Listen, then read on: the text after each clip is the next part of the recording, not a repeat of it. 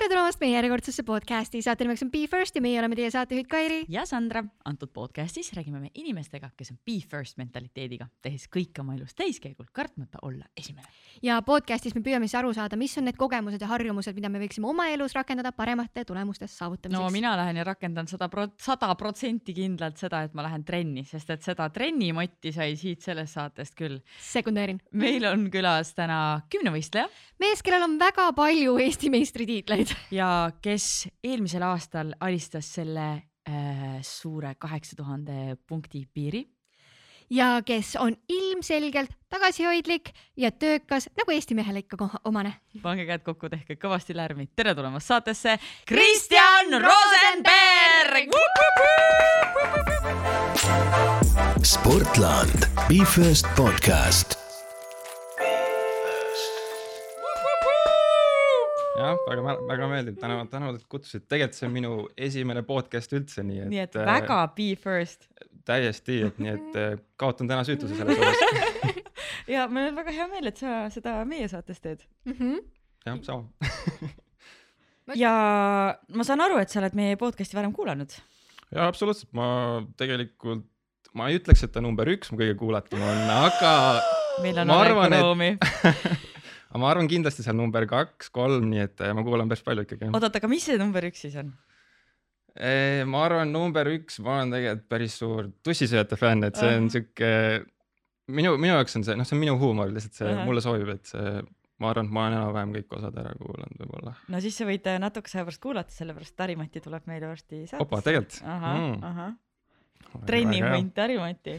aga äh, sa tead, mis sind ees on ootamas enam-vähem? me alustame esimeste mänguga. tean mm. -hmm. meie alustame lauset ja sina lõpetad mm -hmm. ja ma hakkan kohe otsast tulistama lihtsalt. esimene aukartust äratav hetk äh, esimene aukartust äratav hetk, ma arvan, seostubki mul Erki Noolega kohe oh. et eh, noh, ma mäletan, kui noh, ma olin kuueaastane, kui Erki Nool tuli olümpiavõitjaks ja noh, iseenesest ma seda võistlust nii ei mäleta, aga ma mäletan seda hetke, kui ma telekast isaga vaatasin, kui ta jõudis Eestisse. ja samal aastal võitis ka Indrek Bertelson võitis pronksmedali, et ma mäletan, kui nad tulid Vabaduse väljakule, neil olid tammepärjad olid üle noh, üle õlgadel ja neid veeti sinna kuskile lavale, et ma mäletan seda hetke väga hästi, et minu jaoks olid need kaks tüüpi sel hetkel nagu Eesti kõige kõvemad vennad üldse, et ja ma mäletan, et mingi võistlus oli, kus Erki Nool autasustas ja ta kui sur-, surus mul kätt ja soovis nagu palju õnne, siis ma olin lihtsalt noh, ülikõva, ülikõva, lihtsalt nagu best day ever, et et see oli, ma arvan, sihuke jah, esimene noh, kõige paremini iseloomustaks seda momenti, see emoji, kus tuumapomm peas plahvatab, et see oli sihuke võib-olla jah, mis ma nagu kohe esimene, mis mul meelde tuleb. aga kui Erki Nool nüüd tuleb kätt suruma, mis tunne praegu on? no selles mõttes Erki Noolega, noh, näed teda peaaegu, noh, kas päris iga päev, iga nädal näed, et selles mõttes. oled sa mõelnud selle peale, et äh, mis juhtus nagu kõige positiivses mõttes, et kunagi see sinu suur iidol on nüüd keegi, kellega sa teed igapäevaselt koostööd, kas sa oled nagu mõelnud selle peale, et vau? ja ikka olen, selles mõttes äh, ma ei arvanud, et see nagu väiksem, et see juhtub, aga noh, eks ikka Erki Nool on siuksed näpunäiteid andnud ja noh, koos nagu selles mõttes ei treeni selles mõttes, aga ikkagi annab mulle mingit, on nõu andnud ja hallis näed, võib-olla natuke suhtled ikka, aga aga ikka selles mõttes nüüd on, noh, nüüd see ei ole võib-olla nii eriline enam, aga noh, ikkagi nagu sa austad teda ja näed seda, neid is iseloomuomadusi, mis tal on, et see on ikkagi selles mõttes väga-väga võimas väga lahe inimene. Sorry, mis need iseloomuomadused on, mis sind temas paeluvad? No tal on see, noh, ma arvan, mitmevõistlejal, üldse sportlasele väga tähtis omadus see, et tal on see mingisugune selline ki-, killer instinkt või sihuke, et ta läheb ja teeb ja ei kõhkle, et äh, ma arvan, et see on see kõige, kõige olulisem asi, mis ma nagu tema juures näen. ja mulle nagu väga, noh, mis ma olen üritanud nagu ka endale, et, et see, noh, see kõhklus, tal ei ole sihukest, et ta kõhkleb, et ta lihtsalt läheb, teeb, ütleb välja, mis ta nagu arvab, et ta ei, nagu ei karda midagi no seda killer instinkti tal on, tal on tõesti mm, -hmm. tõesti küll, aga. seda võib kuulata ka meie podcast'is, kus nad siis eh, koos pojaga olid, nii et. ja tegelikult ka mm -hmm. teises podcast'is, kus me rääkisime vigastustest mm. -hmm. Äh, ja. väga resoluutsed ja uh -huh. konkreetsed arvamused aga liigume esimeste mänguga edasi äh,, paratamatult või õnneks või kahjuks, ma ei tea, trenni teemadel. mis oli sinu esimene trenn? uh, esimene trenn, noh seda ma ütlen ausalt ei mäleta, et võib-olla kõige paremini oskab sellele küsimusele vastata mu isa, et äh, noh, isa. teeme kõne kiirelt või? teeme väikse kõne jah. et tegelikult eh, noh, isa on ka mul kergejõustikutreener, et tänu isale ma üldse ilmselt noh, selle teekonna valisingi, et eh, noh, ma olen näinud mingeid fotoalbumites pilte, kus ma olin seal võib-olla kolme-neljani, jooksin toas mingeid tõkkeid, ma ei tea, mul oli mingi redel seal seina peal, ronisin redeli peal, et et ilmselt need võisid olla siis esimesed siuksed ja noh, praegu meenub üks mingi pilt, kus ma olen seal mingi stardipakkudel kuskil saalis, et olin seal mingi kolme-nelja aastane, et eh, aga ma arvan nagu regulaarselt noh, seda, mis ma nagu mäletan, oli see, kui ma hakkasin isa juures esimeses klassis hakkasin nagu trennis käima, et seda ma mäletan, et et ma arvan, et seda võiks nimetada siis mu esimeseks trenniks, aga mis seal toimus, nii noh, seda absoluutselt ei mäleta, et kas äh, isa juures on äh, raske ka treenida? Äh, ma arvan ikka jah, selles mõttes, et ikkagi isa on ju see, kellega sa räägid kõigest ja võib-olla ütled võib-olla liiga otsekohaselt, otsekoheselt asju välja, et võib-olla siuksed tülimomendid on võib-olla kergem, kergem tekkima, et äh, et äh, mu isa juures treenisingi kuskil kümnenda klassini, et ei olnud see põhjus, nagu mingit tüli ei olnudki, põhjus lihtsalt oli see, et võib-olla isa ütles ka, et tal ei ole võib-olla teadmisi piisavalt, et kuidas nagu edasi minna, et siis oligi, tutvustas mind ühele teisele treenerile ja siis läksid teed edasi. aga treeneri vahetus pärast nii pikka aega ühe inimesega koos mm. treenimist, isegi mitte see, et, et ta oli su isa, kuidas, kuidas see sulle mõjus emotsionaalselt näiteks alguses? no see ei olnudki sihuke nagu järsk üleminek, et nüüd üks päev isaga, järgmine päev oli laksust nüüd uue treeneriga, et see oli nagu sihuke sujuv, ma arvan, et see oli sihuke aastane üleminek, et noh, tegin alguses tegin isaga koos, siis tegin selle mingi teise treeneriga koos, et ei olnud sihuke. Ma ei ütle, et mingid emotsionaalselt mingit hullult rasket oleks midagi üle elanud või, et see sihuke loomulik väga,, väga-väga sujuv üleminek selles mõttes. ma tegelikult küsiks veel juurde, et meil on olnud äh, varasemalt äh, ka äh, no, noorsportlasi siin mm. ja see treeneri vahetus on aeg-ajalt üles tulnud ja mulle tundub, et see on midagi, mida väga tihti kardetakse, et Mhm. eriti just, kui sa oled noor, et ma ei tea, et treener solvub või et, et sa, ma ei tea, oled nii täiesti uues keskkonnas ja siis kardetakse seda arengut mm., et miks, miks üldse on noorsportlasel tarvis aeg-ajalt treenerit vahetada, mis sa, mis sa arvad? no esiteks ongi, kui sa oled pikka aega ühe treeneri juures treeninud, noh, treener on ikkagi andnud kõik need asjad, mida ta teab, on sulle edasi andnud ja kui sa näed, et äh, sa ei arene enam, sa ei õpi midagi uut, siis ma arvan, et ongi aeg nagu vahetada. et äh, noh, ma arvan, see kümme aastat on ikkagi päris pikk aeg ikkagi ühe treeneri juures teha, et äh, noh, muidugi on sportlasi, kes teevadki, alustavad ühe treeneri, ühe treeneri juures ja lõpetavad ka oma selle esimese treeneri juures, aga noh, ma, mina, mina ei oska nagu selle kohta öelda, selles mõttes mul on nagu olnud ikkagi, mul on selles mõttes elu jooksul olnud kolm või neli treenerit lõpuks, kelle juures ma olen nagu treeninud, et mul on olnud siuksed, noh, ma tunnen, et mul on olnud vaja vahetust õppida midagi uut üldse see kuidagi, kui sa ühe treeneri juures liiga kaua oled, sul ongi see, tekib see mingi mugavus.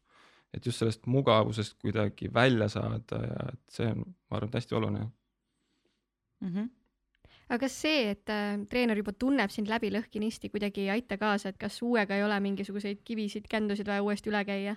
ei, absoluutselt muidugi see alguse asi on ikkagi, sa õpid jälle uuesti oma uut treenerit tundma, aga mul on ka alati olnud see, et ma olen usaldanud enda kõhutunnet ka, et äh, kui sa tõesti tunned, et siit ei tule enam midagi, võib-olla sa tunned, et see ei arene enam piisavalt, et siis ongi õige hetk. no ilmselgelt sina arened korralikult ja võite ikka tuleb, et aga kas sa mäletad oma esimest võitu?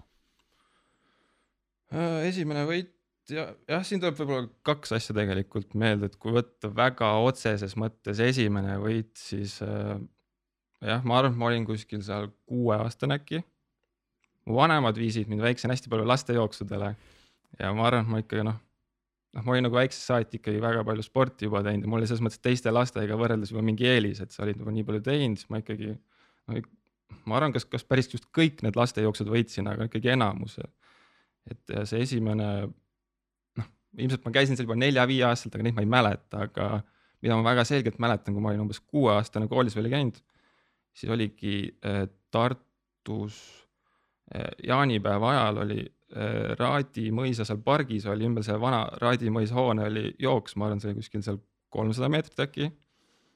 ja mäletan väga selgelt, seal üks, üks noormees nagu vedas neid lapsi, et nagu, et noh, lapsed ikka võib-olla see tähelepanu kaob ära, jookseb kuskile võssi, vaata, et et nagu jooksid, jooksid selle noormehe järgi ja ma mäletan, kohe nagu panin täiega minema, üritasin seda venda kätte saada, seda noormeest seal ees. Aga mingitel hetkel jõudsin päris lähedale, aga ilmselgelt ei pingutanud väga, aga see oli mu eesmärk, et see tüüp seal kätte saada, et äh, aga lõpusirgele jõudsin esimesena ja mäletan väga hästi seda, seal lindi taga seisid inimesed ja mäletan, kuidas nad aplodeerisid ja no ergutasid, et see tekitas kohe selle mingi, ma mäletan, külmavärinad tekkisid kohe. Ja no ma arvangi edaspidi ongi, sa oled kogu aeg otsinud seda, seda tunnet, et sa oledki nagu jah, mingil määral see narkomaan, et sa otsid seda tunnet uuesti ja uuesti, uuesti, et äh, see oli sihuke, jah, ma arvan, mu esimene võit, mida ma mäletan.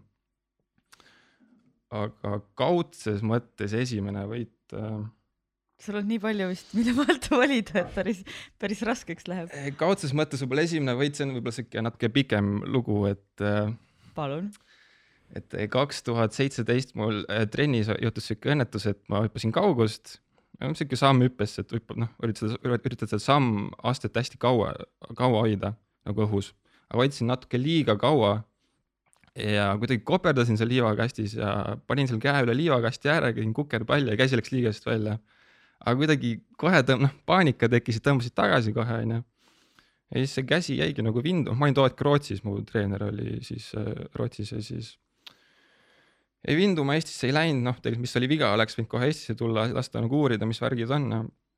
aga jäin sinna ja siis äh, mingi kolm-neli kuud hiljem võistlesin kümnevõistluses ja seal kümnevõistluse oda juures viskasin uuesti, läks käsi täiesti liigest välja. ja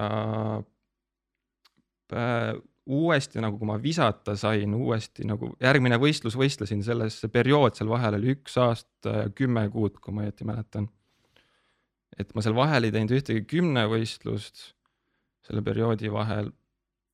ja võib-olla see, selle loo puhul on naljakas see, et see võistlus, kus ma nagu selle käeliigest välja viskasin, olid äh, Euroopa meistrivõistlused võistkondlikus mitmevõistluses, mis toimusid siin Tallinnas, me jäime kolmandaks oma äh, Eesti koondisega. ja siis kaks aastat hiljem oligi seesama võistlus, aga see võistlus oli Ukrainas ja seal me võitsime ja seal ma tegin nagu esimest korda kaheksa tuhat punkti, et ma noh, too hetk enne seda võistlust, mul rekord oli seal seitse tuhat üheksasada ja too võistlus tegin kaheksa tuhat esimest korda, et ma mäletan, kui ma seal tuhande viiesajas peale viimast ala jõudsin finišisse ja kaheksa kuulsin, et ma olin kaheksa tuhat teinud nagu esimest korda elus, ma olin küll seal pisarates ja et see oli nagu sihuke ülihea tunne, et noh, kogu see periood, mis seal oligi, see vahe, see üks aasta kümme kuud, see noh, sihuke tume periood see, mis sinna vahele jäi, et et äh, selle üle oli mul väga hea, et ma alla ei andnud, et seal, seal vahel oli siukseid igasuguseid mõtteid, et äkki ma ei saagi visata ja noh, tegelikult arstid isegi ütlesid, et sa võib-olla ei saa enam visata, et võib-olla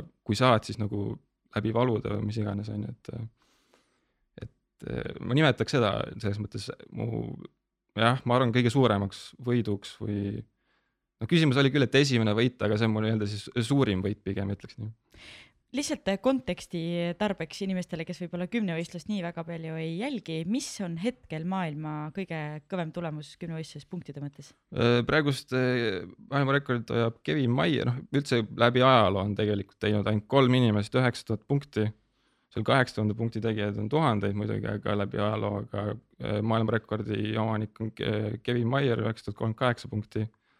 et, vabandust, üheksa tuhat ükssada kakskümmend kuus punkti Äh, et siis kaks, need ülejäänud tüübid, kes on teinud, on veel Ashton Eaton ja Roman Sheberle, et. Äh.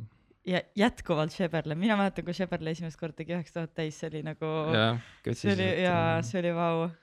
ja mina olen see rookie, kes ei saa üldse aru, kuidas need punkte arvutataksegi see on veits nagu minu arust nagu tennis, nagu vaatad ei no jah, kümnevõistlus ongi võib-olla jah raske aru saada inimesed, kes nagu ei jälgi, et seal on tegelikult see punktitabel on loodud sihuke juba ammu seal et seal ongi, et iga tulemus vastab mingile punktile, et kui sa jooksed sadat meetrit üheteist sekundiga, siis seal on kindel arv punkte määratud ja hüppad nagu seitse meetrit kaudu, kaugus, seal on kindel punkte arve, mis sa saad, et äh, jah no näe, nüüd sain mina ka targemaks jälle mm. -hmm. ja see on päris huvitav, see on äh, seda jälgida, kui oskad jälgida, siis mm -hmm. veits nagu äh, laskesuusatamine et et et kõik nagu justkui nagu Mhm. teevad ühtemoodi, aga sa ei tea mitte kunagi, mis juhtub, sest et ega see on natuke ikkagi nagu no võit, võitja selgub tegelikult lõpus alles, selles Jah. mõttes, et sa võidki nagu peale esimest ala, sa võid olla esimene. aga sa võid peale tuhandet viitsadat olla mingi kümnes mm et nagu see ongi, et see käib nagu üles-alla seal kogu aeg, et ongi väga lahe on tegelikult äh, sihuke kümnevõistlane nagu oh,, ütleme, oli meelde üks saksa, jah, ma hakkan rääkima, tuleb nii meelde onju, et äh, tal on väga head need kaks viimast ala, odav ise tuhat viissada meetrit.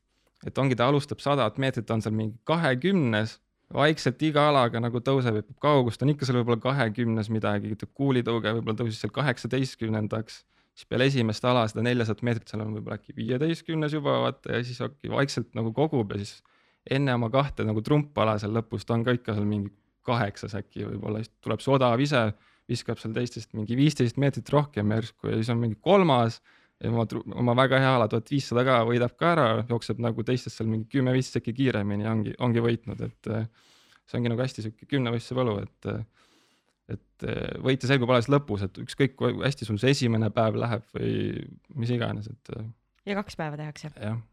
mis sinu kõige kõvem ala on? uh,.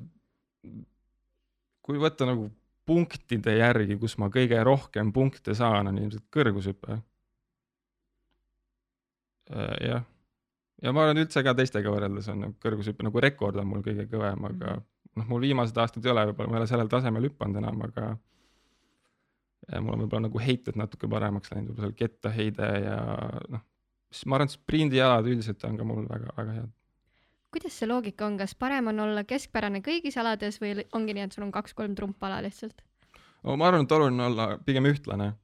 et noh, sa võid olla kolmes alas super hea, aga kui sa seal tuhat viitsadat ei jõua lõpus joosta, kaotad mingi neljakümne sekundiga, no noh, ongi mingi odav ise on ka sul nõrk või pigem olla nagu igal pool ühtlane, see ongi, et kui sa teed kõigi kümne alaga seal kaheksasada viiskümmend punkti saad iga alaga, ongi lõpuks kaheksa tuhat viissada. kaheksa tuhat viissada teed, saad igal tiitlivõistlusel, ma arvan, see on kuue hulgas raudselt. No see on väga huvitav, ma tahan kindlasti kuulata, kuidas teil treeningud on äh, üles ehitatud või kuidas see treenimine käib kümne ala, mulle lihtsalt tundub, et, et ma ise, ise teen triatloni ja mulgi jääb aega puudu selle kolme ala jaoks nagu. aga mõtle, kui fun, iga päev lähed trenni, sul on uus trenn. ja, ja, ja väga, väga vinge aga lähme edasi esimeste mänguga. mis oli esimene kord, kui, oota, kui oli raske, ma küsin, kas oli läbikukkumine, aga esimene kord, kui oli raske. mm,. esimene kord, kui oli raske. Ja siin meenub jälle see mingi, ma olin mingi kümneaastane kuskil või noh, ei mäleta seda vanust jälle, aga ütleme, et umbes kümme. et äh, ma tegin siukest kergejõustikuala noorena nagu kiirkäimine. et mul tegelikult isa on tegelikult on kiir nagu, nagu käimist teinud äh, noorena ja noh, hiljem ka, et on siuke kiirkäimise nii-öelda entusiast ja suur fänn. ja noh, muidugi tegin mina ka seda väiksena ja tegelikult, tegelikult see on see nagu on nii naljakas, ma poleks kunagi, pole kuulnud kedagi, kes ütleks kunagi sõna äh, või lauset kiirkõndimise või kiirkäimise entusiast. ja talle väga meeldib ki- kiirkäimine, ta alati nagu jälgib seda väga palju, et äh, jah, ega see kõige raskem moment äh, oligi selle kiirkäimisega, et mu isa korraldas äh, ühe Eesti kiirkäija auks Bruno Jonk. vähesed, tegelikult vähesed eestlased teavad, kes oli Bruno Jonk, ma ei tea, kas te olete kuulnud. Bruno Jonk oli tegelikult, ta võistles nagu Nõukogude, noh, koondises oli, Nõukogude Sots- Vabariigi koondises võistles, oli äh, kiirkäija mingi viie, jah, viiekümnendatel ta võitis kaks, kusjuures kaks medalit olümpiamängudelt, kaks pronksi. ja isa nagu äh, korraldas tema auks siis äh, mälestusvõistlust Valgas. mu isa on ka Valgast pärit ja Bruno Jonk on ka nagu Valgast, Valgast pärit. Ja siis ma väiksena võistlesin sellel võistlusel ja ma käisin ühte kilomeetrit, üks kilomeeter staadionil ja ma arvan, et oli juba käidud seal, no see oli siuke võistlus, kus oli Lätist, Leedust ja võib-olla kuskilt mingit teistest riikidest veel olid äh, sportlasi ja oligi umbes käidud kuskil seal, ma arvan, et seitsesada meetrit ja oligi umbes see kolmsada jäänud ja ma olin kolmas minu arust, võib-olla neljas. ja noh, minu arust see esimene oli umbes, ma arvan ikkagi kuuskümmend, seitsekümmend meetrit eespool ja sa mõtled, noh, kolmsada meetrit on minna ja seitsekümmend meetrit on see sinust ees. ja ma mäletan, ma hakkasin täiega nutma lihtsalt käimise ajal. täiesti noh, tundus nii lootusetu olukord, ma ei jõua järgi, sest noh, mul oli nagu, ma ei, suutnud aktsepteerida seda, et ma kaotan, vaata, sest noh, ma väiksena olingi selline, et kui ma kaotasin, ma nutsin. ja ma mäletan, mu ema ergutas seal raja ääres, ütles, et kurat, sa pillid onju või midagi siuke nagu karjus, et noh, mis sul viga, miks sa nutma hakkad või siis ma oligi mingi täiesti uus energia tekkis. Ja panin, panin, panin, panin ja jõudsin mööda mingi kolmkümmend meetrit enne lõppu. Ja võitsin ära. Et ma arvan, et see oligi sihuke võib-olla esimene sihuke kõige raskem, et see õpetas seda, et isegi kui tundub, olukord tundub võimatu, ei tasu kunagi alla anda, et ja noh, tunduski minu jaoks oli see minu kümneaastase minu jaoks oligi nagu nii võimatu olukord, et kuigi seal, seal on nagu mingi maailma lõpp, kui ma oleks kaotanud, nagu minu, minu, minu, minu jaoks see oli, et, et see õpetaski seda, et kunagi tasu alla anda, ükskõik kui raske on. kuidas sul täna on, kas on oluline, et sa võidaksid alati? võib-olla, no võib-olla nii oluline ei ole, aga ikkagi see, mulle meeldib see tunne, kui ma võidan, lihtsalt see on, sa ajad seda taga kogu aeg, et see võit pakub sulle rahulduse, et ongi, jääd teiseks-kolmandaks, sa lähed koju ikka, oled kurb, hakkad uurima, mis ma nüüd paremini saaks teha, et kuidas nagu ongi mingi, analüüsid kohe oma videosi, et mis ma nüüd paremini teha saaks. mul on nagu pidevalt nii, et kui mul trennis läheb halvasti, ma lähen koju, ma hakkan kohe seda trenni videot vaatama, mis ma nüüd paremini teha saan ja hakkan neid mingi Youtube'is neid päris mingid sportlased, noh, kes teevad nagu, spetsialiseeruvad ühele alale, et ma hakkan kohe neid jälgima, et ma just tahtsin küsida, et päris sportlased, siis, sa siis oled, et, et kui vist ikka. no kes nagu ühele alale keskenduvad. aga kas te teete treeneriga ka sellist äh, analüüsi või vaatate üle või? ja ikka, no selles mõttes, kui ongi mingi tehniline ala trennis, näiteks hüppad, ma ei tea, kõrgust, siis ikkagi filmime, kas just nagu päris kõiki hüppeid, aga noh, noh, ma arvan, mingi kolmkümmend, nelikümmend protsenti hüpetest ikka ja siis vaatame näiteks kohe üle ja siis ise uurid ka kodus veel, et kui palju sul treenereid on üldse hetkel?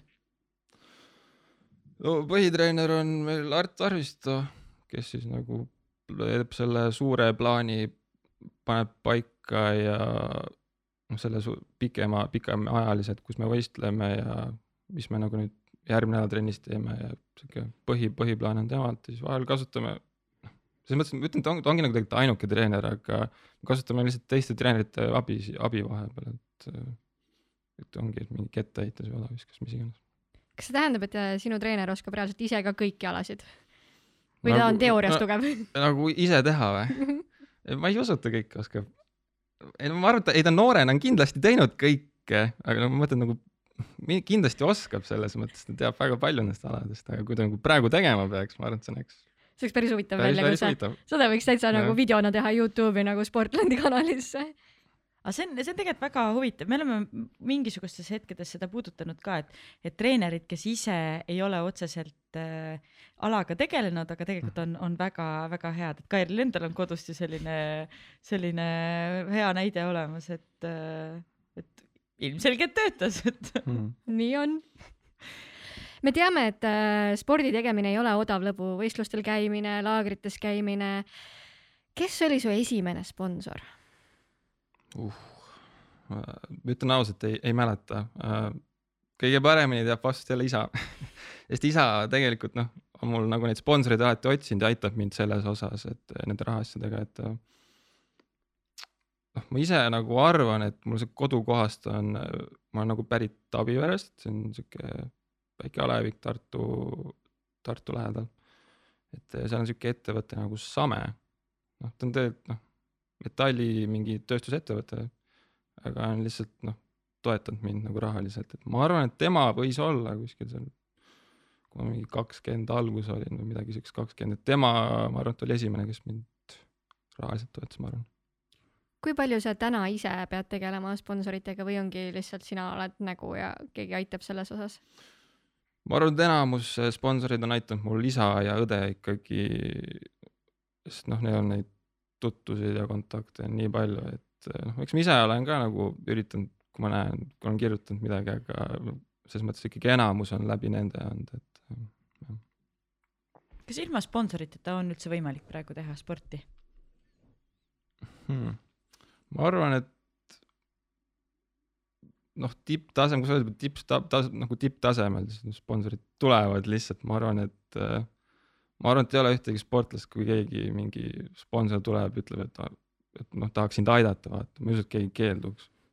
et äh, ma arvan, et see on väga oluline, sest sul tegelikult kulub nii palju, noh, nii palju erinevatele asjadele raha, et kui sa nagu noh, mul on ka mingi toidulisanditele lihtsalt noh, vahel nagu mind toetab nagu Lamberts selles osas, et ongi, kui ma peaks ise mingi, vahel on lihtsalt arvutanud, kui ma mingi küsin nende käest, vaatan, mis see summa tuleb, siis no pigem, pigem, pigem ei tahaks maksta ise seda, aga on sul mingid sellised äh, nagu sa ütlesid, et, et ei pane kätt, ei pane kätt ette, et Mhm. keegi tahab raha pakkuda, aga on mingid põhimõtted, kelle käest sa näiteks ei võta, kui näiteks tuleks sponsoriks?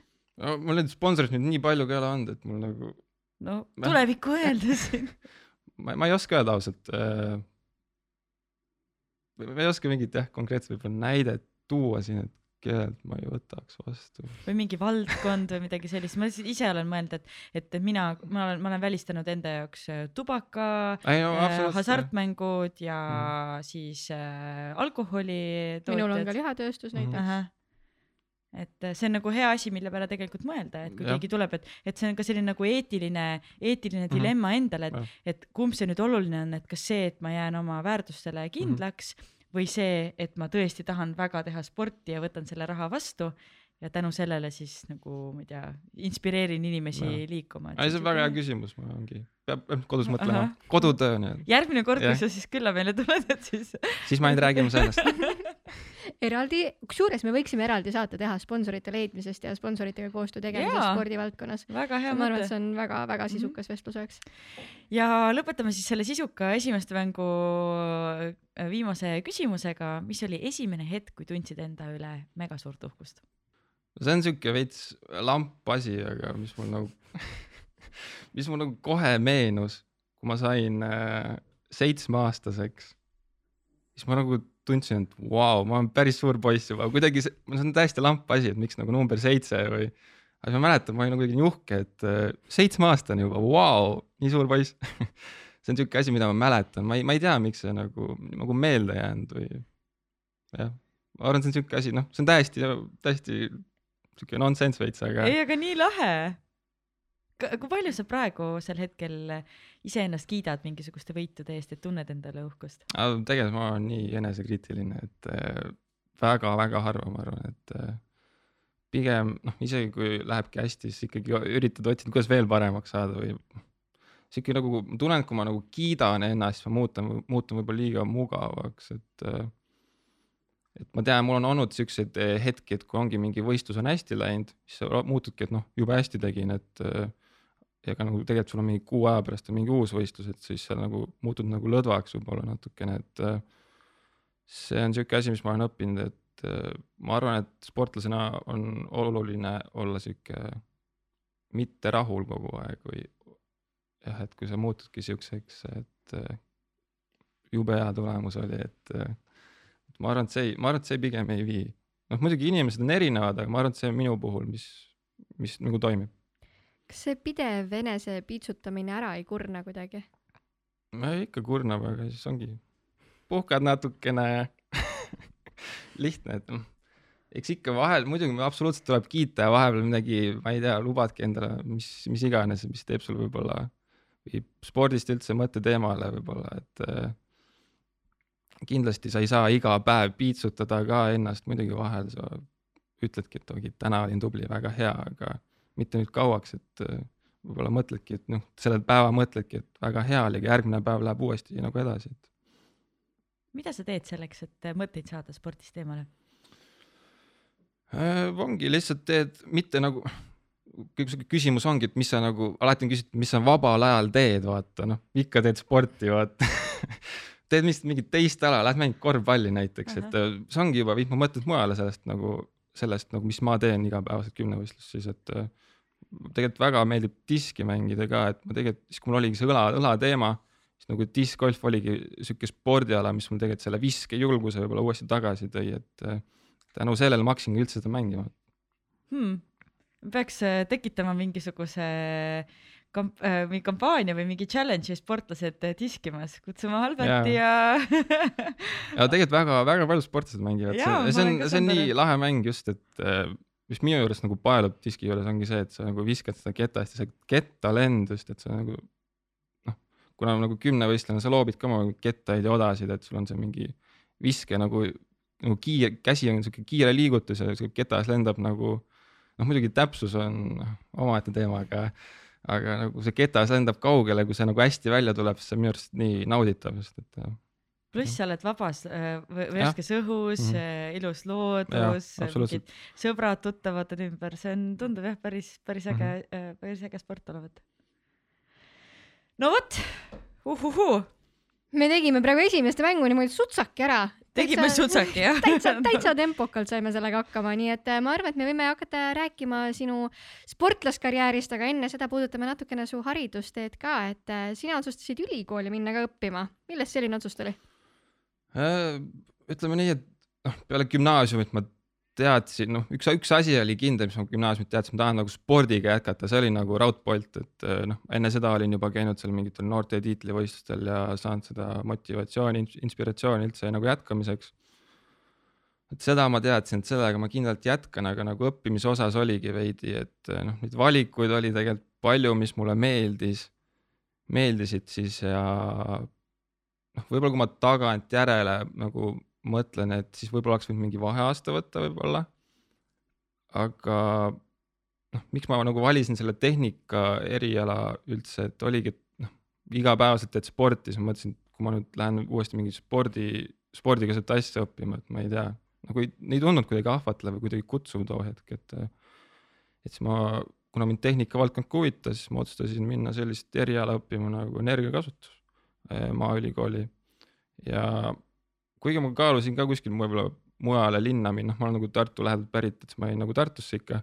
muidugi ma mõtlesin seal mingeid Tallinna variante ja muidugi sa said ju peale gümnaasiumi lõppu, sa said neid Ameerika, neid USA, neid ülikooli kutseid ja noh, too hetk ma tundsin, et ma kuidagi ei ole valmis selleks, et nagu, et nagu USA-sse minna täiesti üksi, et äh, ja ma nagu nägin ka, et mul too hetk treeneritega asjad, asjad sujusid, et siis ma nagu otsustasin nagu Eestisse jääda aga jah, see nagu eriala oligi veits võib-olla, oli nagu, ma ei ütle, et ta nagu sihuke nagu suvaline valik oli, et nagu, et ma ei võtnud, et noh, savi võtan selle onju, et vaata, mis saab.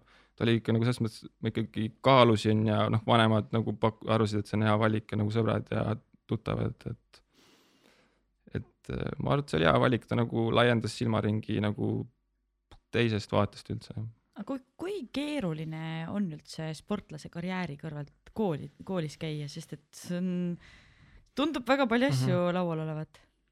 no kui ma praegu peaks ülikooli minema, siis ma, ma ei kujutaks ette, kuidas ma nagu ajaliselt jõuaks, see tundub täiesti võimatu, aga too hetk sa ei treeninud tegelikult nii palju, noh. Too hetk ma võib-olla ei võtnud nagu sporti nii tõsiselt ka, et ma arvan, ma hakkasin nagu tõsiselt mõtlema sellele alles võib-olla, kui ma olin kakskümmend kolm, neli võib-olla, et ma tegelikult nagu alati tegin sporti, sest mulle meeldis see ja kuidagi see ei võtnud nii, nii väga tõsiselt, et nüüd on nagu pigem see ikkagi see on nagu töö sul vaata, et noh, siis sa nagu ei teeninud ka sellega mingit raha või et et siis, siis oli veits nagu teistmoodi, et siis ei olnud nagu ülikooli kõrvalt raske, et oli, käisid hommikul koolis ära, mingi kaheksa, kümme hakkas kool, mingi kaks, neli, viis lõpetasid, läksid trenni lihtsalt ja oligi sihuke nagu gümnaasiumis olid terve elu nagu põhikoolis ja gümnaasiumis oli samasugune rutiin ja noh, ülikoolis oli sama, et ei olnud nagu raske Mm -hmm. kas sa täna näed, et kui, kui kaua üldse sinu spordialas inimesed nii-öelda karjääri teevad, mis vanusest see piir ette tavaliselt tuleb? noh, eks see on ka veits erinev, noh Erki Nool tuli olümpiavõitjaks kolmekümne aastaselt, kolmekümne üheselt tegi enda parima tulemuse, et noh, mõned teevad seal kahekümne nelja aastaselt, et see on nii erinev, et äh, kui ma nagu ennast vaatan, siis ma olen pigem sihuke hilise, hilisema arenguga, et äh, et ma arvan, et minu parimad tulemused võiks seal kolmekümne kandis olla, et äh, et see on nii erinev, et ma arvan jah, sihuke kolmekümneselt sa oledki võib-olla kõige, kõige parem, et siis nagu hakkab pigem natukene. Miks ma seda küsin, ongi sellepärast, et kas sa mõtled ka sellele, et mis saab pärast äh, sportlaskarjääri, et kas siis sa selle eriala valiku juurde tuled tagasi võib-olla kunagi? Äh, kusjuures nüüd, nüüd ongi võib-olla see viimane aasta ja need kaks aastat oledki nagu tegelikult mõtlema hakanud, mis nüüd, mis edasi saab ka onju, et äh, varem, varem, varem ei olnud sellist, et kui ma mõtlen selle, et kas ma nagu sama eriala, mis ma õppisin nagu edasi, siis veits, veits kahtlen, et kuna ma olen nii palju spordis nüüd olnud ja ma näen, et tegelikult noh, see periood, mis ma siin olen spordis olnud, ma olen nii palju õppinud ja ma tunnen, et mul tegelikult päris palju edasi anda ka noortematele, et siis ma kindlasti näen, et ma olen treener, aga kas just nagu sada protsenti seal, kui ma olen nagu oma sportlaskarjääri lõpetanud, kas ma sajaprotsendiliselt tahan treener olla, et noh, kindlasti ma tahaks midagi veel teha, et see, mis see midagi veel on, seda ma nii, nii täpselt veel ei tea, et, et selleni on ka aega veel natuke. kui sa enne mainisid, et sa aastaid tagasi ei, ei, ei julgenud minna välismaale, ma ei tea, ülikooli mm -hmm. või treenima, siis kas sa praegu oled selle peale mõelnud, et see võiks juhtuda ja mis, mis põhjus see peaks olema, et sa seda teeksid? kusjuures, kui ma bakalaureuse lõpetasin, ma eh, olin Rootsis vahepeal. Eh, üks Eesti treener, eh, Katrin Klaup, ta nagu siin on pooleldi Eestis, pooleldi Rootsis, noh, töökoht on Rootsis treenerina, et siis ma nagu olin ka seal päris kaua, ma ei mäleta, mingi pool aastat vähemalt. Et ma nagu seda kogeda sain selles mõttes seda välismaal treenimist, seda välismaa nagu nii-öelda elu siis, et äh, aga praegu minna välismaale, kindlasti see on nagu mõtetest läbi käinud, aga noh, välismaal see treenimine sul on ikka päris, noh, selles mõttes keeruline, et sa pead ikkagi seda, see finantspool peab veel, veel suurem olema kui praegu, et äh, siis see on kindlasti võimalik, et tuleb lihtsalt olla ise võib-olla tublim, natuke kõrgemale jõuda, et võib-olla siis on see reaalne, et äh, selles mõttes lahe, lahe, ma, lahe oleks nagu treenida kuskil välismaal võib-olla teiste, teiste sportlastega. aga mul ei ole nagu praegu selles mõttes midagi häda, et mul on väga tugevad trennikaaslased, et jah. kui oluline on üldse see, et oleks tugevad trennikaaslased? no tegelikult ma, kui ma olin noorem, siis ma väga nagu, ma ei näinud, et mul on vaja mingeid trennikaaslasi tugevaid. Tegelikult ma tegelikult terve elu olen nagu mitmevõistlane, ma olen nagu üksi treeninud, et alles, kui ma tulin Tallinnasse mingi neli aastat tagasi et alles siis mul olid nagu mitmevõistlejatest trennikaaslased nagu poisid just. nagu varem mul oli üks trennikaaslane, üks tüdruk äh,, kellega ma nagu koos nagu treenisin, aga ikka see treenid nagu erinevad, sul on ikkagi teised alad ja natuke teistsugune süsteem ka ikkagi, et äh, aga noh, see, miks ma nüüd Tallinnasse tulin, oligi see, et mul oli see õlavigastus ja oligi see motivatsioon nagu veits oli nagu kadunud ja oli langenud, et et see, et nagu treeningkaaslased sul noh, oligi, miks ma, oligi vaja lihtsalt treeningkaaslased, et üldse nagu edasi jätkata, sest ma ei nagu, kui ma oleks üksi jätkanud, ma arvan, et ma ei oleks kuskile jõudnud. no me enne rääkisime ka, et äh, tegelikult äh, noh, enne salvestust, et äh, Eesti kümnevõistluse tase on viimasel ajal ikka nagu, nagu vau, niimoodi mm. kasvanud, et sa ütlesid ka, et sul on vist kaheksa põhikonkurenti praegu ainult Eestist. ainult Eestist jah, kaheksa see, see ei tundu nagu reaalne, et eh, ma, seda lihtsalt ei ole kuskil nagu mujal maailmas, okei võib-olla USA-s on ka seal noh, ma ei tea, kas päris kaheksa, et on seal mingi kaheksa, kaheksa tuhande punkti tegijat. noh, või võib-olla, ma võin eksida, aga minu arust ei ole. et eh, selles mõttes Eesti on jah selle kuidagi, ma ei, ma ei tea, mis see nagu põhjuseks on, miks just see nagu see aastakäik, mis on praegu seal üheksakümmend kaks kuni seal üheksakümmend kaheksa sündinud. et eh, ma võin, võin oletada, mingi nagu mul oli Erki Nool, noh Erki Nool tegutses sel aastatel ja, ja seal kaks tuhat pluss oli ju noh, minu, need ongi üheksakümmend kaks, üheksakümmend kaheksa aastaga ikkagi mäletavad, ma arvan, kõigil oli mingi hetk Erki Nool ikkagi sihuke eeskuju, et ja noh, Eesti see traditsioon kümnevõistlus on ka ju ulatub tegelikult päris kaugele, et. Aga kuidas see sind äh, mõjutab? see, et, et sul on kõrval nii tugevad tegijad?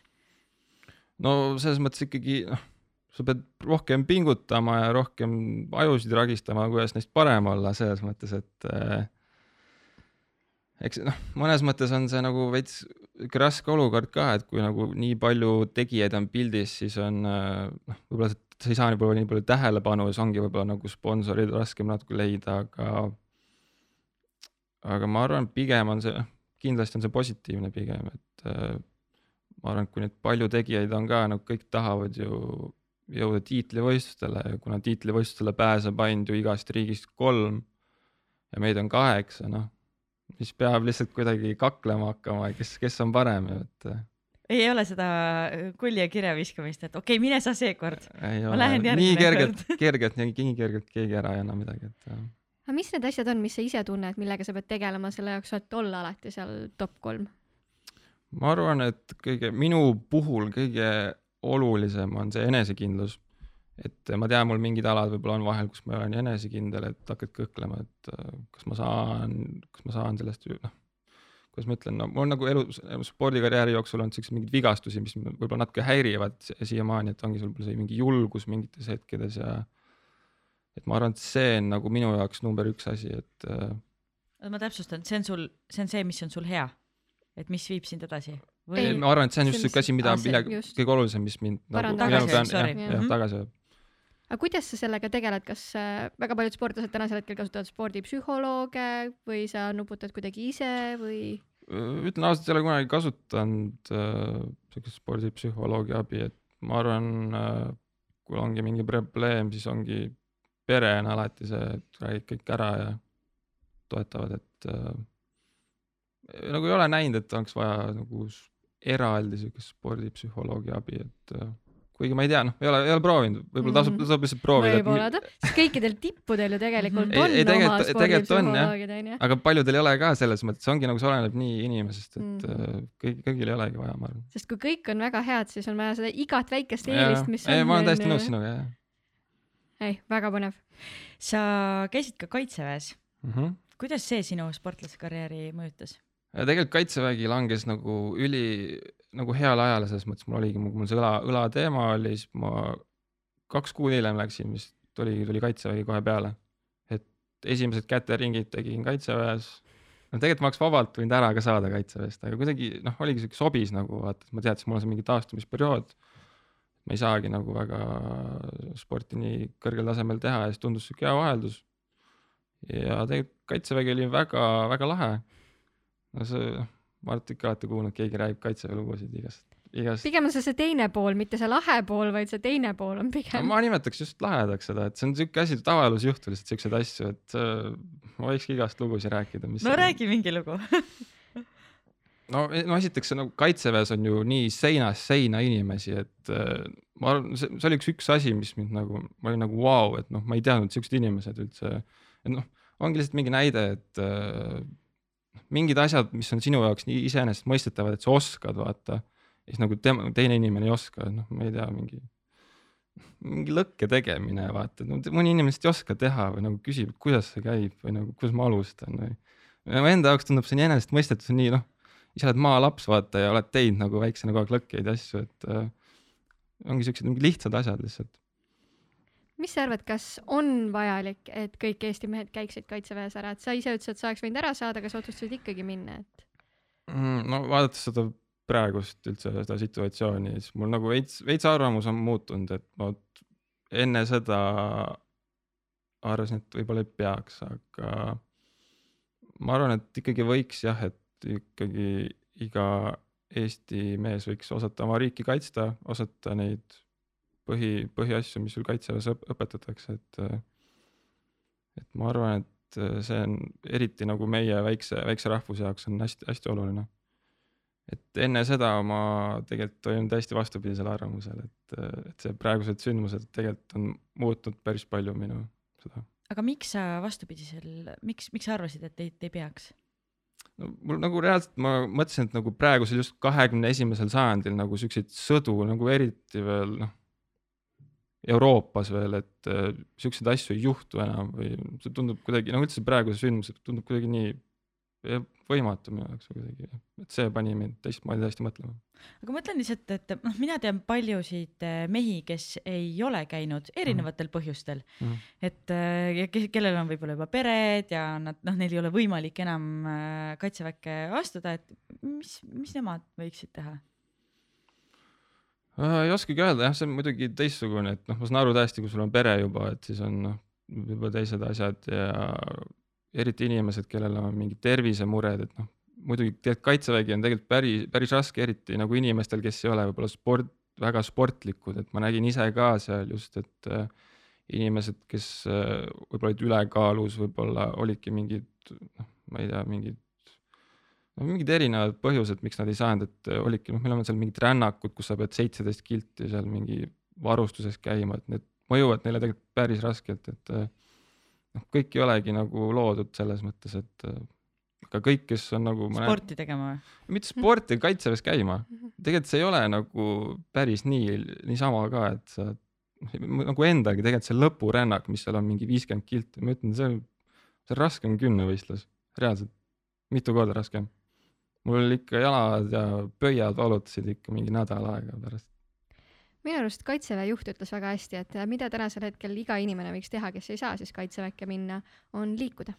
lihtsalt liikuda, sporti teha, et vastupidavust oleks, et äh, jah, mind ka tegelikult pani kaitses imestama, et mõned inimesed ikka on päris, kas nad üldse noh, pani küsitlema, kas on nad üldse sporti teinud, no tundus, et ei ole midagi teinud, et see pani mind veits imestama, et ongi, et just, et iga inimene tegelikult võiks ju liikuda, noh, ma ütlen, et ei peagi nüüd minema jooksma või jõudu tegema, et ongi mis iganes, loobikossu, mm -hmm. kõnni niisama, et sest kõik kohe minu arust kipuvad haarama, et mul endal ka tutvusringkonnas mehed, kes ei ole käinud, olid nagu, et oi, lasketiiru on vaja minna ja õppida ja harjutada.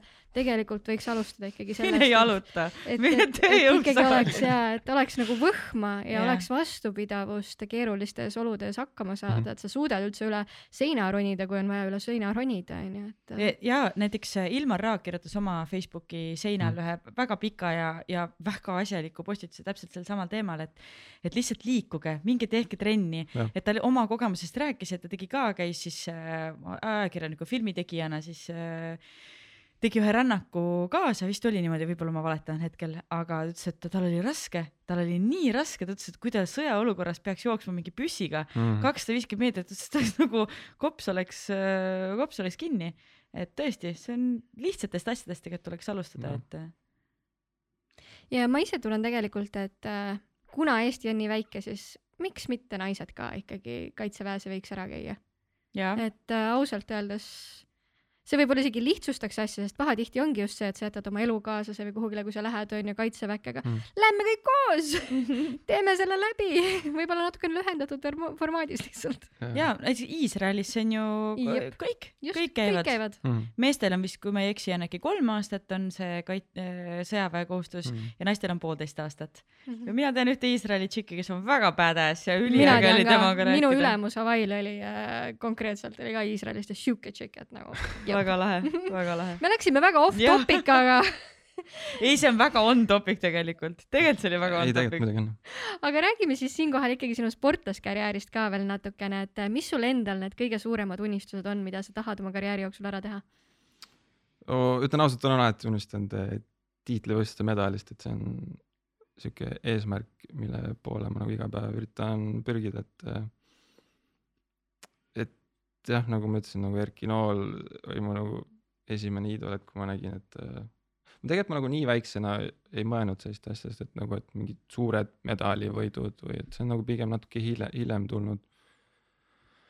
et noh, noores eas oligi see lihtsalt oli lahe sõpradega trennis kä- käia ja nendest parem olla, et äh, aga nüüd hiljem on nagu sihuke, et tahaks jah, seal nagu kõr-, nagu suurtel tiitlivõistlustel kõige kõrgemal poodiumil olla, et see on, ja tiitlivõitlustel, võistlustel, mitte olümpia, no olümpiamängud on ka on tiitlivõistlused. või? aa okei okay., ma mõtlesin, et see on äkki käib kuidagi eraldi mm.. aga väga viisakalt sõnastatud ja öelnud kohe olümpiakuld. tagasihoidlikult. No- tiitlivõistlus. ei no ma oleks nagu alustuseks ma oleks lihtsalt medaliga, medaliga rahul. aga me räägime nagu pikast perspektiivist. ei muidugi noh, muidugi tahaks olümpiakulla ja tahaks kõik need maailmameistri, Euroopa meistritiitlit võtta, aga aga selleni on ikka väga palju vaeva vaja näha veel. aga kas sa oled valmis seda vaeva nägema? absoluutselt, ma ütlen ausalt, ma teeks kõike selle nimel, et, et need, et olümpiakuld võita, et muidugi noh, muidugi seaduse piires kõik asjad muidugi, aga ei, ei võtaks dopinguid ja asju, aga muidugi jah, kõike oleks äh, valmis tegema. kui sa seda dopingu teemat äh, puudutasid juba, siis äh, ma ei tea, räägi sellest natuke, mis on sinu, sinu filosoofia näiteks selle, selle ümber, kuidas sa suhtud äh, selle sportlastesse, kes on kas- seda teinud? kas võib anda andeks näiteks? no ma olen ikkagi arvamusel, et inimesed on valmi-, on nagu võimelised muutuma ja noh, muidugi kui sa saad spordis selle juba kahe-nelja-aastase keelu, ma arvan, et see ikka paneb sind täiesti teistmoodi mõtlema, et sa kaotad ikka nii suure osa oma sportlaskarjäärist, see on ju, noh, sportlaskarjäär niigi on ju nii lühike, kümme-viisteist võib-olla aastat on ju, et noh, oleneb muidugi spordialast, aga no kergejõustikust on seal kuskil kümme-viisteist, et äh, kui sa kaotad seal neli aastat selle rikkumise tõttu, et see on noh, tohutu kaotus, et äh, et äh, ma olen jah täiesti arvamusel, et inimesed on võimelised muutuma, aga noh, reeglid ongi selleks, et noh, jah, reeglid on muidugi rikkumiseks, noh, see on mis iganes, aga aga reeglid on selleks, et tuleb jälgida ikkagi, et kui sa tahad nagu kõrges spordis ja selles ausas spordis olla. Kas ma olengi hästi hämmingus selles osas, et äh, kui sa te dopingut teed ja sa võidad medali, kas sa reaalselt tunned, et sa võitsid, sest see ei olnud ju sina, see oli ikkagi jah, ma ei oska dopinguga öelda. võimendatud, et minu jaoks ongi nagu üldse, kas see võit üldse on nagu sama tähendusega, kui sa tegelikult ei teinud seda sada protsenti sina ise. ma arvan, et need inimesed eh, tunnetavad seda jah, et eh, see ei olnud päris see võib-olla. Ma ei, ma ei oska öelda jah. mis Et nad see on võivad- mis lihtsalt nad, mis nad, võib-olla- jah, see on nagu, ma ei tea, mis nad tunda võivad, aga ma kujutan ette, kui ma ise oleks sellises olukorras, et no ma ei, ma ei, ma arvan, et ma ei tunneks nii palju rõõmu sellest. ma mõtlengi, et noorsportlased võiks selle peale See- ka mõelda, et üks asi on see medal kaela saada, aga tunda reaalselt, et, et sa ise päriselt mm. -hmm. tegid seda. et see on ikkagi midagi muud.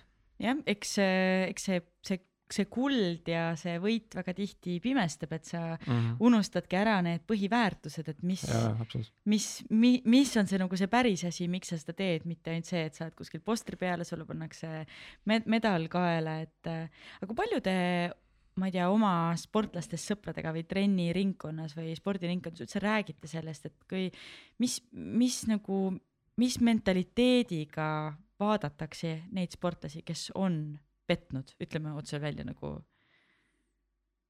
Noh, ma ütlen isiklikult, mina ei tea ühtegi noh, sportlast selles mõttes nagu hästi, kes on nagu dopingut äh, tarvitanud, et äh, muidugi, kui sa noh, neid dopingujuhtumeid on ju tegelikult nii palju tuleb kogu aeg, et äh, et äh, ma muidugi ma vaatan, vaatan halvasti nende inimeste poole, et kes seda teevad, sest no selles mõttes teised inimesed ju järgivad neid reegleid ja ja siis, kui keegi inimese noh, rikubki seda, et see on, see ei ole õige et äh, ma ütlen ausalt, väga-väga palju sõpradega ei räägi sellest, et see on nagu nii iseenesest äh, sihuke loogiline asi, et äh, ei, ei saa võtta lihtsalt, kui sa tahad. selles mõttes inimesed loodavad ikkagi sinu peale ja sul on sponsorid ja sa teenid raha sellega, et äh, sa ei saa teha lihtsalt selliseid asju, et sa kaotad ju selles mõttes kõik pärast. Sa mainisid, et sa oled valmis tegema selles mõttes seaduse piires kõike, mis võimalik, et töö, tööd rügama, aga kui palju on üldse nii-öelda profispordis, millist rolli mängivad töökus, andekus ja õnn? Eh, ma arvan, number üks asi on ikkagi töökus, sa võid äh, ükskõik jube andekas olla, aga kui sa ei ole töökas, siis sa ei jõua kuskile, et äh, mis ma olen nagu näinud just äh, nende aastate jooksul, et ongi väga paljud andekad inimesed on tegelikult väga-väga laisad. et, et äh, ikkagi see töökus võidab äh, selle andekuse üle ikkagi, et äh, kui sa ei suuda seda tööd ja seda nagu vaeva näha, siis sul pole andekusega mitte midagi teha, et äh, siin on väga palju näiteid ju selles mõttes, kes on noorena on olnud ju siuksed täiesti tagaplaanil ja on lihtsalt tahtnud seda kõike ja pingutanud selle nimel, et äh, need on ikkagi jõudnud lõpuks kuskile ja võitnud neid medaleid. Paneme selle tagasihoidliku Kristjani korraks kuhugi kappi mm Mhm. -hmm. kinni ja kui sa, ma noh, ma, ma vaatan sind ja mm Mhm. -hmm. ma kuulan sind ja sa oled ilmselgelt väga töökas sportlane.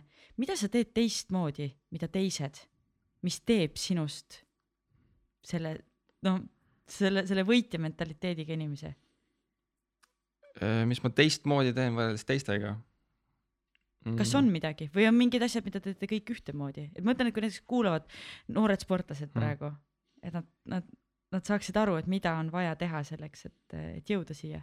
no kõige olulisem ikkagi, mis ma, mis, mis ma ise nagu olen alati püüdnud järgida, ongi see järjepidevus, et sa noh, sa ei pea nagu mingi hullult trenni iga päev tegema, aga ongi oluline, et sa lihtsalt teed seda, sa oled, võib-olla see pühendumus on ka hästi-hästi-hästi oluline, et noh, tänapäeva elus ikkagi on sul nii palju neid erinevaid noh, muid asju, mis noh, sotsiaalmeedia ja mis iganes on ju, et eh, hästi oluline on see pühendumus, et sa tegelikult mõtled sellele ma ei ütle, et kakskümmend neli seitse, aga sa ikkagi iga päev pead mõtlema, et noh, eriti kui sa küm-, noh, mul on see vajadus, et kui ma teen kümnevõistlust, ma pean mõtlema nendele aladele kogu aeg.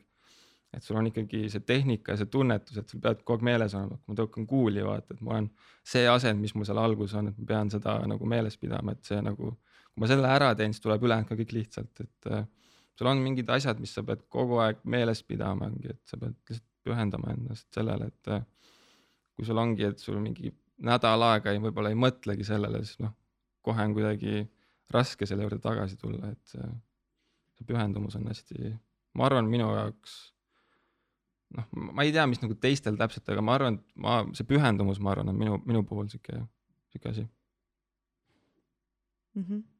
Kui me juba hakkasime siin äh, natukene rääkima sellest, et äh, äh, kuidas sa trenni teed, siis kas me võime selle kohe ära siin küsida? muidugi, sest absoluutselt. mind väga tõesti huvitab, et kui sa nüüd ütled, et sa nädal aega hiljem tuled alles selle viske juurde tagasi, et kui palju sa üldse teed alasid, kas sa teed kõik alad ühel treeningpäeval läbi või sa teed kahe kaupa, Äh, kolme kaupa, kuidas see välja näeb? no tegelikult see mitmevõistluse treening on jah, sihuke hästi mitmekülgne, tegelikult sa ei, sa ei tee ju aasta läbi kogu aeg sedasama, et sul noh, kui sa alustad treeningut, sa hakkad lihtsalt kuskil metsas jooksma, teed siukest üldist, et see, ma ütlen, see oleneb nii palju perioodist, et kui sul on, noh, see oleneb, kuna sul võistlus on tegelikult, et selle järgi tuleb see kogu, kogu süsteem.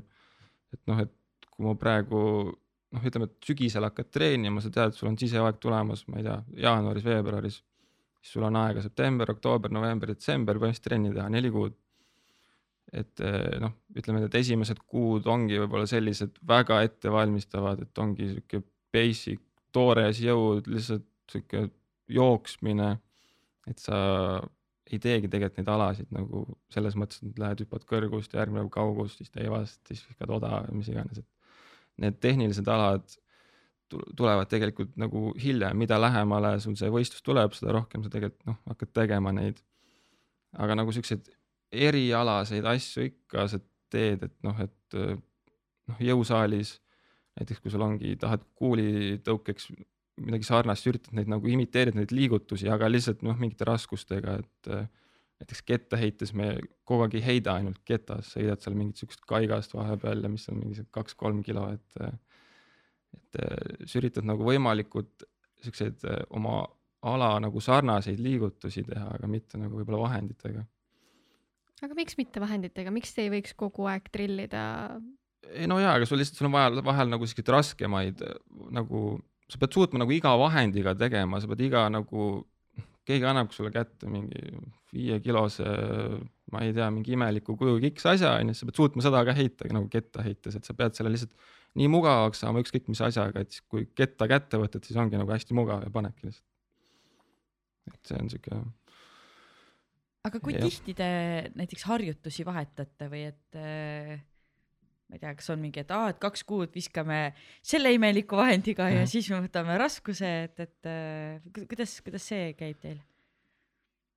no ikkagi siuke variatsioon on hea, mida noh, esiteks on ka nagu vaimul, et kui sa nagu panedki kümme aastat järjest mingit ühte asja, et noh, ilmselgelt see väsitab su ära, onju, et sa ikkagi üritad ikkagi leida neid uusi harjutusi, noh, ilmselgelt sul selle kogu selle protsessi käigus sul tekivad mingid vigastused alati, et see ongi, sul on vaja noh, mingi ütleme, et üks hooaeg valutab sul tagar ja siis teine hooaeg valutab sul selga, siis sa teedki nagu, nagu erinevaid asju, et et nagu neid harjutusi on nagu tohutult kogu aeg, et äh, ei ole, ei ole sellist, et me nüüd kogu aeg ongi ainult üks sama kava teeme, et see on tegelikult hästi-hästi erinev.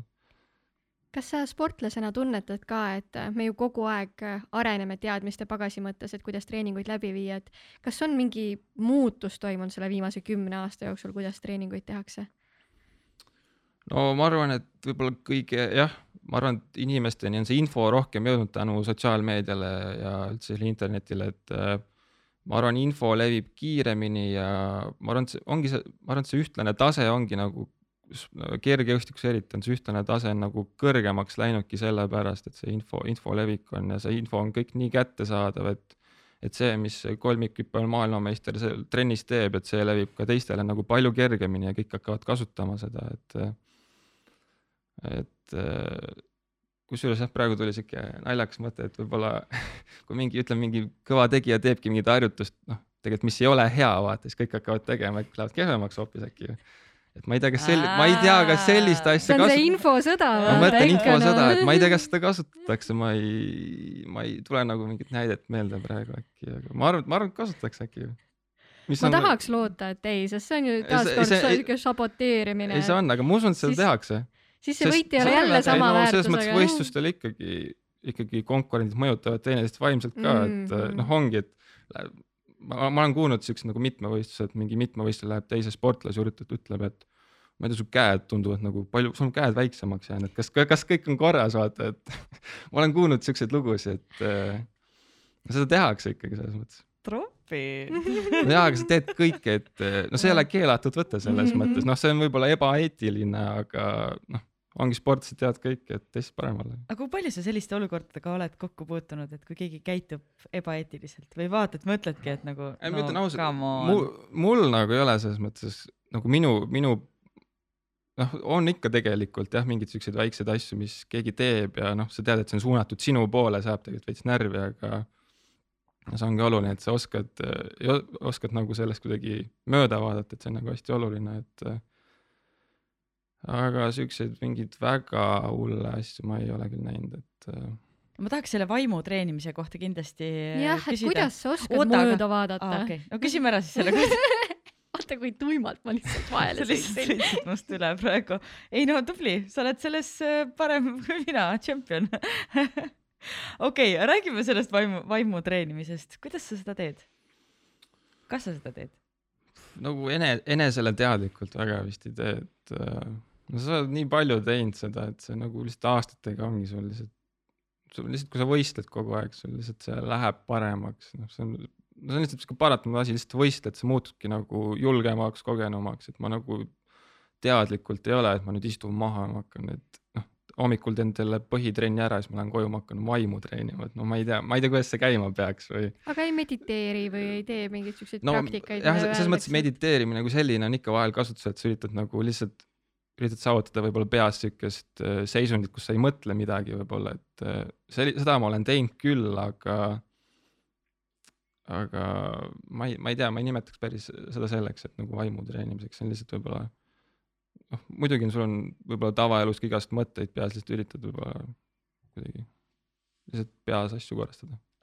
aga kas on midagi, mida sa praegu teed, mida, mille peale võib-olla viis aastat tagasi mõtlesid, et nagu või, või ei osanudki mõelda, et see oleks nagu kuidagi vajalik? Mm. ja ma ei pea ainult silmas vaimu treenimist, aga ka noh, üleüldiselt.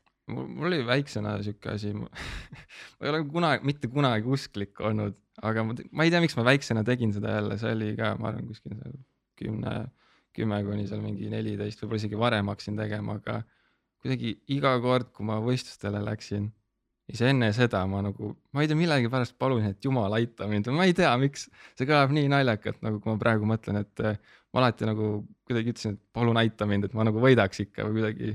Aga see oligi nagu võib-olla nagu enda jaoks ikka mingi sisemine kõne, et ma pean nagu võitma nagu tekitas mulle mingit julgust või et sihuke võib-olla ise kuidagi keha või kuidagi sihuke enda nagu reaktsioon, et ma pean kuidagi valmistuma selleks, et see oligi võib-olla sihuke minu kuidagi, ma ei, ma ei oska isegi nimetada, mis asi see oli. aga enam ei tee seda, ei, ei tee. aga mis sa teed? ma ei tea, ei teagi nagu ei ole siukest kindlat asja, mida ma iga kord teen, et äh, lihtsalt üritad keskendunud olla, mõtled lihtsalt oma, mis sa, mis sa siia tegema tulid, oma nendele tehnilise nüanssidele ja ongi, et ma olen üks asi, mida ma, mida ma tean, ma ei tohi teha, ma ei tohi kunagi nagu tulemusele mõelda. et lihtsalt see tulemus tuleb nii kaua, kui sa kõik nagu selle tehnilise osa teed, et see tulemus tuleb. Et äh, sa ei, ei tohi mõelda, täna, täna ma lähen kurat odas kuutekümmet meetrit panema, et äh, ei ole lihtsalt, sa pead mõtlema, et ma teen need oma need tehnilised asjad ära ja siis küll see kuuskümmend ära tuleb, et see on ka siuke asi. kas sul tõesti ei ole ühtegi rituaali, et ma pean panema need tossud, siduma paelad niimoodi, kolm ma- korda kassile pai tegema ja kuulama seda laulu ja siis ma võidan? ma, ma olen täiesti ebausklik selle, nende asjade suhtes, et see on siuke.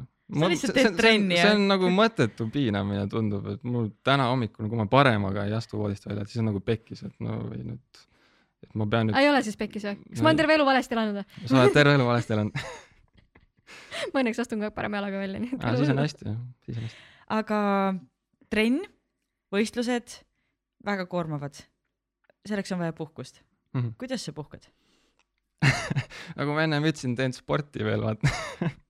aga kui palju sa üldse mõtled, ütleme nii, et okei okay,, selline vaba aja veetmine on nagu üks puhkuse vorm mm, Mhm. -hmm. aga just nagu professionaalne treeningutest puhkamine, sest et Mhm. mm. me oleme seda ka teemat palju puudutanud, et, et trenni või oskavad kõik teha mm, Mhm. -hmm. aga tipud on ikkagi mm Mhm. -hmm. need või nagu kõige tipus on need, kes suudavad kõige efektiivsemalt puhata, et nad saaksid rohkem ja Mhm. efektiivsemalt teha trenni. Et kuidas, kuidas sinul see puhkus no siin ongi see lause, et trenni kerge teha, aga puhata on raske, et eh, noh, see, ma arvan, et see käib iga, ma arvan, sportlase juurde, et eh, noh, alati on sul see mõttes peas kinni, et võiks ju ikkagi natuke sealt ka veel teha, et saan veel paremaks ja ja noh, ma tegelikult väga palju näen ka nagu noorsportlaste puhul seda, et ongi, et mingi nädala aja pärast on neil mingi võistlus ja siis nädal aega enne tehakse juba mingit ka veel mingit väga kõvat trenni, et äkki saan veel paremaks, aga noh, kahjuks, kahjuks ei käi nii, et, et see tugevad trennid ja need arendavad trennid jäävad ikkagi seal mingi kuu, ma arvan, kuskil kuu jah.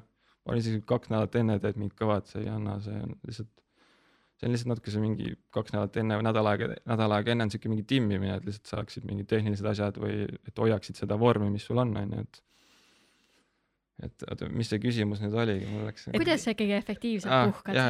Et eh, noh, kindlasti peale trenni eh, on alati sihuke, minu puhul on olnud sihuke mingi venitamine, täiesti noh, sihuke asi, mida ma vihkan nagu venitamine. et äh, ma olen seda nüüd võib-olla viimased aastad väga palju sisse pannud, et see on, mul on alati sihuke väga kehva väga,, väga-väga kehva paindumusega olnud, et see, on ka sihuke asi, mida ma pean tegema, et ja kindlasti siuksed väga basic massaažid on hästi olulised. spaas meeldib käia. jah, siuksed. mulle tundub, et see poiss ei oska puhata ei no magamine on ka, jah, magamine on ka hästi oluline selles mõttes, et see uni, uni, eriti nagu kaitseväes ka ma nagu sain nagu sellest veel nagu noh, muidugi ma olen alati teadnud, et uni on oluline, aga nagu kaitseväes said nagu ekstra veel aru, et noh, sa kaitseväes ongi, sa magad veel vähem. et noh, mingi, ma mäletan, mingi metsalaager oli, kus me olime viis päeva metsas ja ma arvan, et selle viie päeva jooksul magasidki kokku ainult äkki viisteist tundi või kuusteist tundi, siis noh, ma ei tea, mis see teeb, kolm-neli tundi päevas võib-olla. et noh, siis sa said aru, et noh, keha ei funk-, funktsi üldse nii nagu peaks, on ju, et et see uni on hästi oluline, et kui kaheksa-üheksa tundi vähemalt öösel ei saa, noh, vahel on ka, et lähedki võib-olla hiljem magama ja magadki seitse ja siis hommikul noh, saad aru kohe, et kurat pekkis. jumala väsinud olen hommikul olla, et jah, sa tead, et sul on mingi trenn ka veel kahe-kolme tunni pärast, et siis on nagu päris, päris, päris raske sinna peale minna niimoodi, et sul on see mingi uni silmis veel, et üks äh, põhjus, miks äh, puhkamine ja taastumine hästi oluline on, on just selle jaoks, et äh, vigastusi vältida, et sa mainisid ka, et tegelikult tippspordis ikka vigastused on nagu, küll on selg, küll on jalg, kuidas sul sellega on, et kui tihti tegelikult vigastusi ette tuleb? No mitmevõistlane, sul valutab kogu aeg igalt poolt midagi, see on paratamatus, sest sul on nii palju erinevaid liigutusi ja noh, see, sa pead lihtsalt sellega hakkama saama, et kui sul natukene kuskil valutab, et pead sellest lihtsalt üle olema, et et noh, tege-, tegelikult mul nüüd elu jooksul vigastusi on päris palju, ma olin nagu väiksena ka hästi aktiivne laps, noh, maalt pärit, vaata, jooksid väljas ringi igal pool ja ma arvan, et äh, kuni mingi viieteistkümnenda eluaastani, vist oli mingi seitse luumurdu või midagi sellist. Aga kõik olid nagu noh, kõik olidki sellised, ei olnud nagu spordiga otseselt seotud, võib-olla jah, mingi rahvastepalli mingi mängimisest läks vist üks näpuluu võib-olla, aga ülejäänud olid kõik täiesti nagu noh, oli, ma mäletan, murdsin randmeluu nii, et hüppasid üle müüri. Ma mäletan, tegin mingit parkuuri või midagi. Aga siis tahtsid hüpata, panid käed sinna müüri peale, tahtsid nii, et jalad läksid vahet läbi, aga siis varbad jäid sinna taha kinni, siis ma kukkusin nagu jah, vasak käsi ees kukkusin mingi, ma ei tea, pooleteist meetri pealt alla. Ongi siuksed täiesti lollid asjad, et äh, oligi lihtsalt kogu aeg tõmblesid ringi väljas ja tegid, et äh, no ka lapsena tegelikult see on mega oluline, meil tuleb äh, varsti külla äh, psühholoog ja endine MMA võitleja Jörgen Matsi, kes tegelikult on väga palju sellest rääkinud, et mm. miks lapsed peavad mürama, et, et see on füsioloogiliselt vajalik, et kõik need löögid ja mhm. matsud mm -hmm. ja see tugevdab su luid, tugevdab su lihaseid tegelikult et äh, ma, ma ei tea, äkki need noorena saadud mingisugused. ei, see vaba jah, pigem on positiivsed jah, et on nagu hästi-hästi mõjunud et.... siis äh, võib-olla mitte ja võib-olla su siis... vanemad kuulavad, mõtlevad, issand, see tüdruk ajab ikka täiesti lolli jutu suust välja. et aga, aga, aga üldiselt selline nagu mulle tundub, et siuksed müravad maalapsed mm, -hmm. nad on, nad on tugevamad lihtsalt. No ongi nagu see on lihtsalt siuke mingi hea näide ka, miks nagu Aafrika riikides on mingid head jooksjad või Keenias või Etioopias, noh, väiksest peale jooksevad ringi seal kogu aeg ja ja noh, tegelikult ma arvan, et võib-olla minu generatsioon võib-olla oligi enam-vähem sihuke viimane, kes noh, ma sain tegelikult, ma mäletan arvuti või sellisena ma sain, ma arvan, äkki alles. ma, ma, ma arvan, ma olin mingi neliteist alles, et noh, et ikkagi lapse, lapsepõlves ikkagi jah, ma arvan, esimene telefon oli ka võib-olla alles kaksteist, kümme, üksteist äkki, et noh, selles mõttes kõige lahedam osa ikkagi päevast oligi see, et sa saad sõpradega väljas trennis käia, et et siukest kodus, kodus olemine oli suht igav. kas sa muretsed natuke südant ka sellepärast, et äh, tegelikult meil praegusel ajal lapsed ei, ei liigu piisavalt ja on ikkagi tugevalt äh,, väga paljud on tugevalt ülekaalus. ja absoluutselt, see on tegelikult väga kurb, sest äh, kui ma mõtlen oma lapsepõlvele tagasi, siis ma nagu tahaks seda kõike uuesti veel nagu läbi elada, et äh, noh, ma näen, et nad näevad nagu nii paljust ilma selles mõttes, et äh, ma nagu, ma ei oska leida, mis on virtuaalmaailmas nii palju põnevat mis sa nagu päriselt nagu ise nagu seal kuskil õues sõpradega väljas, mis iganes ringimõrades nagu kogeda, kogeda saad, et äh, ja nagu sellest, kui sa nagu noorena ringi, ringi ei jookse, ei tee neid lapsele omaseid asju, et äh, ma arvan, et see, see mõjutab tohutult su seda edaspidist tervist ka, et, et äh, noh, ma, ma ei tea mingi statistika asju, palju nüüd, nüüd, nüüd siin mingi selle aja jooksul nüüd mingi tervis lastel kehvemaks on läinud või mis iganes, aga ma olen suht kindel, et on läinud selles mõttes. aga kui näiteks kuulavad mõned vanemad, ma eeldan, et kuulavad, kellel on sellised noored lapsed ja kes võib-olla ei noh, ma ei tea, lapsed ei taha liikuma panna ja vanemad võib-olla ei, väga ei viitsi tegeleda sellega, siis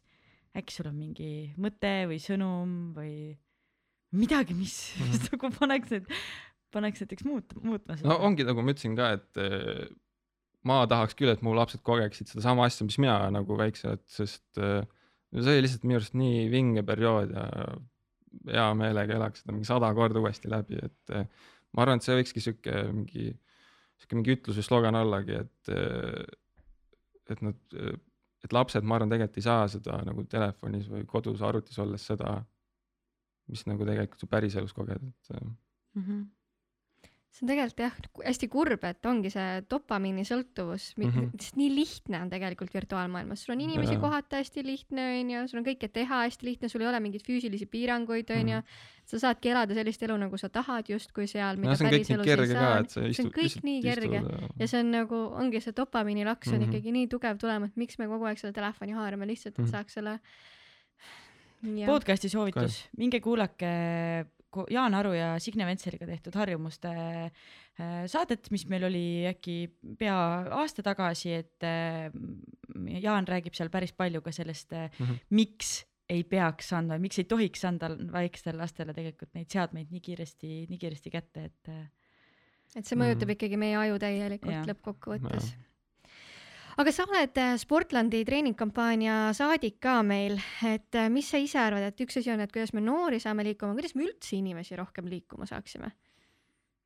Mm, noh, jälle siin on see, see loll lause, et kõik inimesed on erinevad, on ju, et äh, on see kõige olulisem asi, ma arvan, et ongi, et iga inimene võiks leida nagu see ülesanne peakski olema, et leida, mis sulle meeldib, et noh, see on iseenesestmõistetav, kõigile, kõigile ei meeldi jõusaalis raskusi tõsta või noh, võiks meeldida samas, aga noh, kõik, kõik, kõiki sa ei saa sundimagi mingi jooksma, jooksma mingeid maratoni asju, et noh, ma ütlen, ma ei peagi maratoni jooksma ka üldse, et mingid, kõigile ei meeldigi minna välja ja viite kilti joosta või kahte kilomeetrit.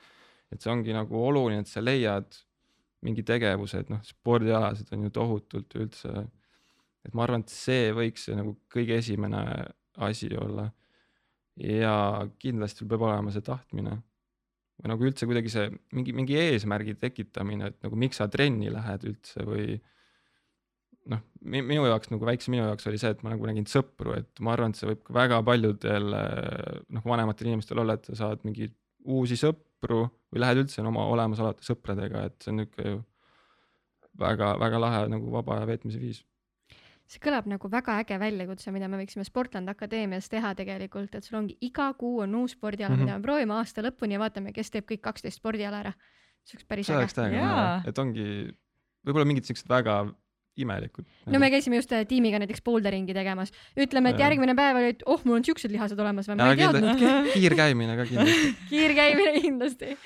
ja, ja siis üks äh, osa sealjuures on see, et peab äh, sõbra kaasa võtma. jah, just mm, -hmm. sotsialiseerumise aspekt ka mm. -hmm. aga ma korra tahan öelda, et, et ma olen täiesti nõus sinuga, et peab leidma sellise ala, mis sulle meeldib mm, -hmm. aga ma lihtsalt tahaks öelda juurde, et sport peabki olema vahepeal raske mm -hmm. ja kui sa noh, see kõik sõltub eesmärgist, aga kui sa tahad areneda, siis areng ongi raske ja, ja, ja sa ja vahepeal peabki tegema selliseid asju, mida ma ei tea, sulle ei meeldi või, või ma ei tea, hingeldad või higistad või nagu mm.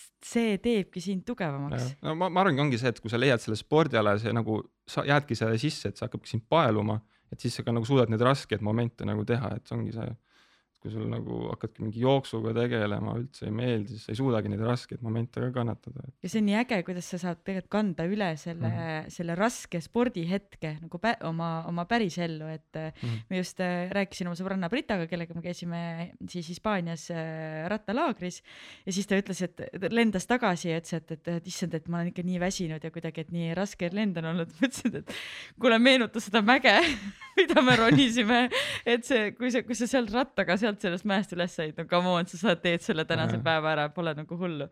et tegelikult jah, see on nii oluline. siinkohal äh, Nike Run Clubi soovitus taaskord Guided Run Breaking Barriers väga hästi räägib just nimelt sellest teemast, et miks on vahepeal vaja ületada neid asju, mis me endale ette ise oleme seadnud. noored, nii millest me veel rääkida tahame? uh,. küsige kõike. ma te-, ei ma taha, ma tegelikult ei tahaks küsida seda ebaprofessionaalset ajakirjaniku küsimust, et küsi- kas on midagi, millest me, sa tahaksid ise rääkida, mille kohta me ei ole küsinud, sest ma mäletan, et see oli esimene asi, mis mulle koolis öeldi, et mitte aja, professionaalse ajakirjanikuna mitte kunagi ei tohi küsida seda küsimust, sest see kõige see üks hea küsimus, mis tunne on? ah,. aga räägi, mida peaks küsima sportlase käest pärast võistlust? näiteks siis, kui on äh, läinud hästi mm -hmm. ja siis, kui on läinud halvasti. Ma ütlen ausalt, mulle, mulle üldse ei meeldi, kui ongi see, kui sul on see viimane ala, lõpetad ära, onju, noh, siuke taastumine võtab veits siuke viisteist, kakskümmend minti ikka aega, aga nagu tihtipeale tahetakse nagu hästi kiiresti seda, seda mingit äh, emotsiooni kuidagi, aga nagu seal hingeldad, suu on kuiv nagu. põhiline on see, et kuidas ma nagu need nagu huuled nagu märjaks saan või nagu ei suuda mõelda nagu mis, mis juhtus, ongi see, tegelikult see vajab veits seedimist, et ongi mingi, ma arvan, pool tundi saaksid no ongi sa nagu saad sellest raskest hetkest üle, mis see pingutusest, kui sa selle nagu üle saad, saab ka korra nagu aju paremini tööle, et et see on nagu mind nagu häirib see, aga noh, saab hakkama, aga pä- päris raske on teha kohati. no me anname sulle pool tundi ja siis me küsime, mida me küsime? Davai, aga mida, mida võiks küsida? mida võiks küsida, minut või jah.? mille kohta võiks rääkida hmm.? Et pärast võistlust, et kui sul on läinud hästi või halvasti, vahet pole, et mis see küsimus mm -hmm. siis Mhm. on, mis, et kui me ei tohi küsida, et mis tunne on, siis mida me küsida võime? Hmm. kas ma peaks sulle pool tundi andma praegu, et sa saaksid mõelda selle peale? ei no vahet ei ole, mis küsitakse, ma ikka vastan muidu, ma ei, ma ei ole nii, et ei kommenteeri või mis iganes, aga hmm, mis oleks hea küsimus, noh, ma ei tea, mingi sihuke, mis sa nagu õhtul sööd äkki no,. ma seda, seda, noh, mis ma tahaks, ma pärast seda nagu jooksu ikka on kõht, noh, sa oled kümne võistlust teinud, sul on mingi räige kalorite puudus, ma tegelikult ma ütlen ausalt, ma nagu peale võistlust on alati, mis ma süüa tahaks. nagu mõtlen alati, et noh, tahaks mingit räiget pastat nüüd süüa, mingi räiget rasvast, mingi räige kaste on peal kuskil, aga ehk siis ideaalne intervjueerija No, tuleb pasta ei, käes pool tundi absoluutselt, jah. Anu hiljem. Säärits, Jah. koodimärkmeid. ei tegelikult, tegelikult kui keegi tuleks mulle pärast jooksu, annaks kokapudeli kätte, see oleks ülikõva. seda on väga lihtne teha. jätame meelde kõik. Aga kuidas, ma lihtsalt äh, huvi pärast, et äh, kuidas sulle tundub Eesti spordiajakirjanike ma ei tea, ma ei taha küsida, öelda nagu tase, aga kuidas nende suhtumine Eesti sportlastesse või näiteks kergejõustiklastesse üldiselt, üldiselt on, kas teil on omavahel head, head suhted, annad hea meelega intervjuud? nii pikk ja Äh, lohisev küsimus. ma ütlen ausalt, nagu mul ei ole nagu olnud siukseid äh, probleeme, et nagu ma olen nagu alati hästi, hästi läbi saanud.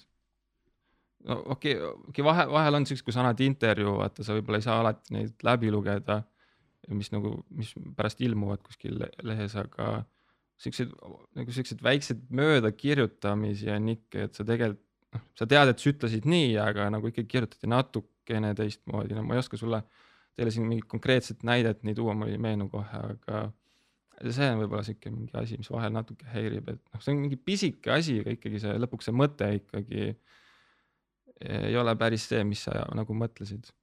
kas on mõni soovitus äh, näiteks ajakirjanikele? ma arvan, et ongi, et sa saad nagu läbi lugeda selle, et kui sa ise saad läbi lugeda selle korra, et siis on juba, sa näed ära kohe selle, kus mingi asi ei meeldi sulle, et ja siinkohal võiks vist ajakirjanik tulla ka vastu ja siis korrektuure teha, et ma saan aru, et siin ühe skandaalse raamatuga on see error, jaa, et korrektuure väga ei tehtud.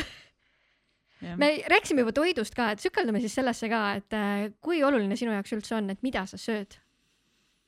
Sest sportlase puhul sa jaa. ikkagi, ei ikka, ikka on väga oluline, et äh, ütlen ausalt, tegelikult äh, võib-olla ma olen tegelikult siukest toitumist juba rohkem jälginud, võib-olla mingid viimased paar aastat, võib-olla kolm aastat, et nagu sa, muidugi sa nagu teadsid, mis on nagu hea nagu nooremana ka, mis on nagu hea ja mida peaks sööma, vaata, aga aga nagu see, sa ei mõelnud sellele ikkagi liiga palju, sa ei mõelnud, noh, keegi oleks küsinud mu käest, mis asi on toitaine, vaata, ma oleks öelnud makaronid no,. okei okay,, võib-olla nii hull ei oleks olnud, aga no, selles mõttes, et eh, noh, nüüd sa ikkagi natukene, ma olen mingeid siukseid perioode teinud, kus ma tegelikult olen ühe korra läinud tegelikult teinud, et eh, ma olen nagu toitumist jälginud, et võtsingi kolm nädalat, jälgisin, kirjutasin kõik endale need makrod üles, palju valku, süsivesikud onju, et eh, ja jõudsingi nagu järeldusele, et süsivesikuid oli vähe, et nagu valku oli nagu tohutult liiga palju, vaata noh, seda valku on tegelikult ju igal pool seda reklaami, see on nagu nii,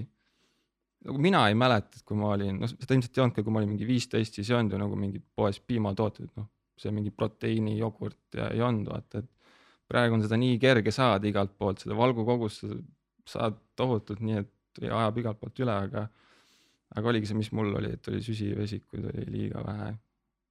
et äh, kas päris kaks korda liiga vähe, aga sinna lähedale Au. isegi.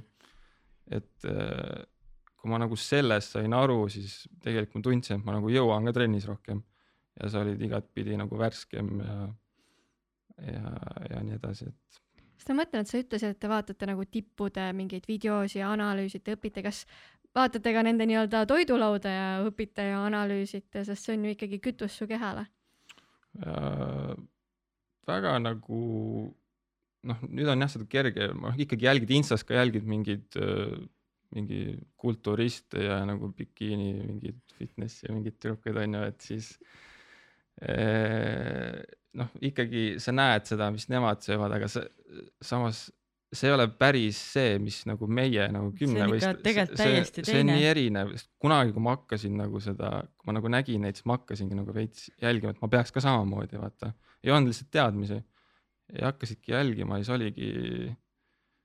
no tegelikult oli näha, et see nagu tegelikult, kui äh,, kuidas ma ütlen, nagu see kaal jäi ka samaks või kuidagi ei võtnud võib-olla noh, ma nägin ka, et nagu mingi jõuarengus ei olnud nagu sihukest edasiminekut nii kergelt, see tuli nii aeglaselt. ja siis ma mingi periood mõtlesin, miks see nii on või nagu, kas ma teen liiga vähe jõudu või noh, tegelikult ei teinud, vaatasin neid asju, mis ma jõusaalis nagu neid kavasid. et oligi, et kui ma nüüd see mingi kolm või kak-, jah, kuskil kolm aastat tagasi, kui ma hakkasin nagu jälgima seda, siis ma sain aru, et milles asi on, et oligi, et see nagu see energia nagu süsivesikute see osakaal, kui oluline see on ikkagi, et äh, kas sa oled mõelnud, et toitumisnõustajaga võiks ka koostööd teha? ja kusjuures olen teinud ka, sest äh, see meil on äh, Team Estonial on sihuke nagu, ma olen Team Estonia sportlane ja seal on äh, tegelikult see võimalus olemas, et täiesti tasuta, et kasuta nii palju kui tahad. Vau, nii äge. väga tuus. mis see Team Estonia veel pakub? see tundub väga äge kontsept. meditsiiniteenused on selles mõttes äh, noh, sa saad põhimõtteliselt, kui sul on mingi probleem, kohe kirjuta, saad kohe kas samal päeval või siis järgmine päev saad kohe nagu arsti juurde. et seal on doktor eh, Mardna on seal, kes on see kuningas. kelle kuningas jah, Mhm. kelle juures on käidud päris palju. Ja ma iga- annan väikse soovituse kuulajatele, et kui on keegi, kes on huvitatud, on sportlane, on huvitatud sportlase toitumisest, siis tegelikult eh, Siret Saarsalu on kirjutanud sellise raamatu nagu Sportlase toitumine, mis on väga lihtne lugemine, väga informatiivne, väga, no tõesti väga hästi kirjutatud, seal on ka retseptid sees, kus on kaloraaž juures, et, et ve- väga hea koht lihtsalt, kust, kust Mhm. alustada, et eh, soovitan. jah, nagu kui sa tegelikult ongi see, kui sa ühe korra teedki selle läbi, vaatad, kuidas su toitumine on, sul jääb see tegelikult meelde, need kogused ja aga kuidas sa seda tegid muidu? kas sa kasutasid mingit äppi või? ei, kirjutasin paberile lihtsalt oligi iga söögikord, mis tegid, noh, okei, seal oli vahel ka mingid väljas söömised, noh, seda sa ei saa nagu sisse panna, aga nii palju kodus sõid kogu aeg, jälgisid, kirjutasid, no okei, nii palju oli riisi, tatart, mingit pastat on ju, lihakogused ja mm, -hmm.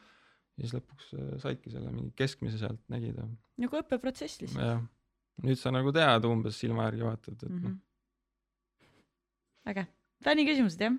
Äh, ma võtsin telefoni, haarasin kätte, mõtlesin, scroll in, annan siin teistele ka natukene sõna selles osas, et äh, mis nad sinu käest teada tahaksid ja Juuso küsib kohe esimese asjana. kas sa õiglasele ja Lillemetsale tead ära? ah, muidu küsimus loll küsimus, Juuso, said vastuse loll küsimusi. muidugi. ma, ma ei saanud referentsist aru, taaskord ma pean vist kümnevõistlust vaatama või? jah, aga mis see küsimus oligi, et õiglane ja Lillemets või? Õiglase ja jah, Lillemets. nagu konkurendid, Mhm, et äh, teen ära muidugi. väga lahe. sobib.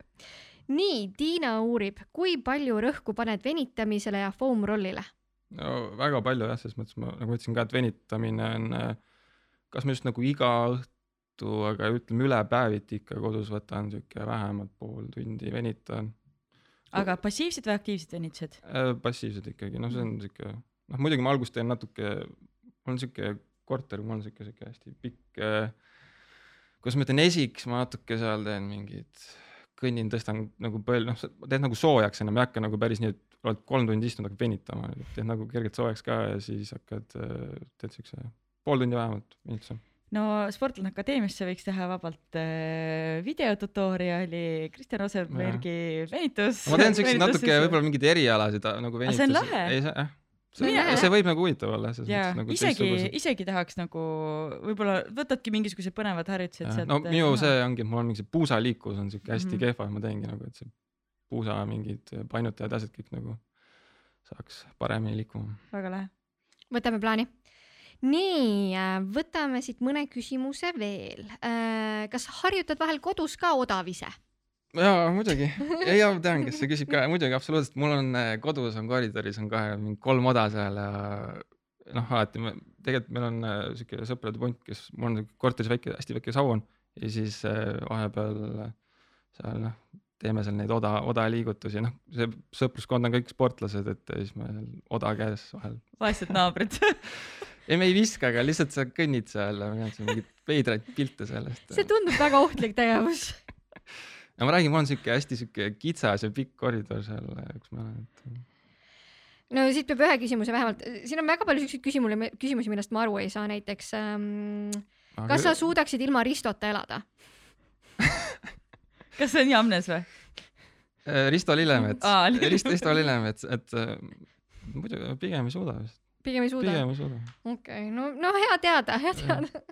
kas Risto ise küsis seda või? ei, ei küsinud või ei küsinud kusjuures Hmm. peab Ristole sinna hmm.? nii, mis ala sportlane sa oleksid, kui sa ei oleks kümnevõistleja ja ära proovi isegi mitte öelda, et sa oleksid käija, väga spetsiifiline küsimus oli. ma ütlen ausalt, no seda on tegelikult väga palju küsitud, et kas see oli küsimus, kas ma olen kümnevõist, kui ma kui sa ei kümnevõist, oleks kümnevõist- kümnevõistleja, et mis spordialaga sa siis tegeleksid ja käia sa ka siin olla ei tohi. Mhm. no see on nii raske küsimus, ma olen nagu üritanud jah mõelda, mis ma nagu, mis ma teeks.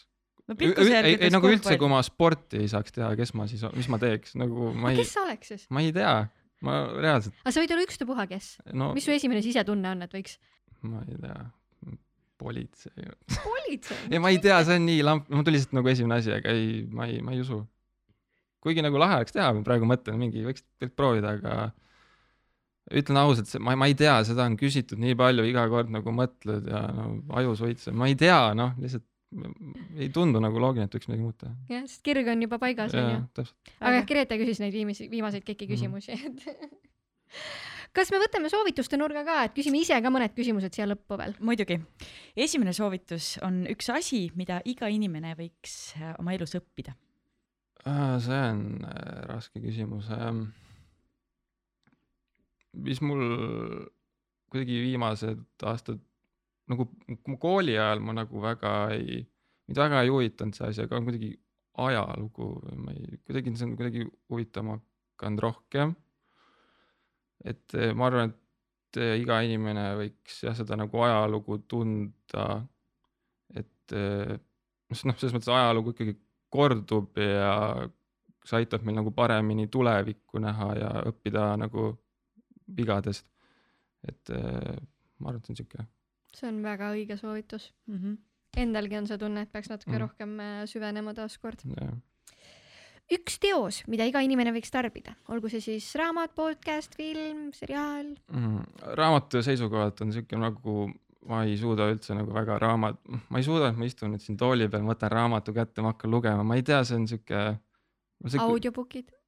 ma ei, ei ole teinud seda, aga üldse see raamatu lugemine, noh muidugi ma loen vahepeal, aga mul kuidagi nii raske on seda teha, et ma nagu loen seda raamatut, mul kuidagi tähelepanu kaob kuidagi ära, ma loen viis lehte ära, siis ma vaatan, et oo, mis see, ma ei tea, mis seal laua peal on mingi tass. aga näe, see ongi vaimutreening. kuidagi ma ei suuda jah keskenduda tükk aega, eriti kui sa istud seal vaikuses ja et äh, filmidega on üldse nagu teistmoodi kuidagi, et see noh, mul võib-olla ongi vaja seda kuidagi seda heli ja kõike seda, mul see vaikuses olek üldse ei, mulle kuidagi üldse ei meeldi. nagu alati ka, kui muusikat ka kuulad autos, noh ikka nii kõvasti. nii kõvasti, kui saab, et noh, noh muidugi, et saad nagu aru ka, mis seal toimub, aga ei suuta ikkagi põhjas kogu aeg.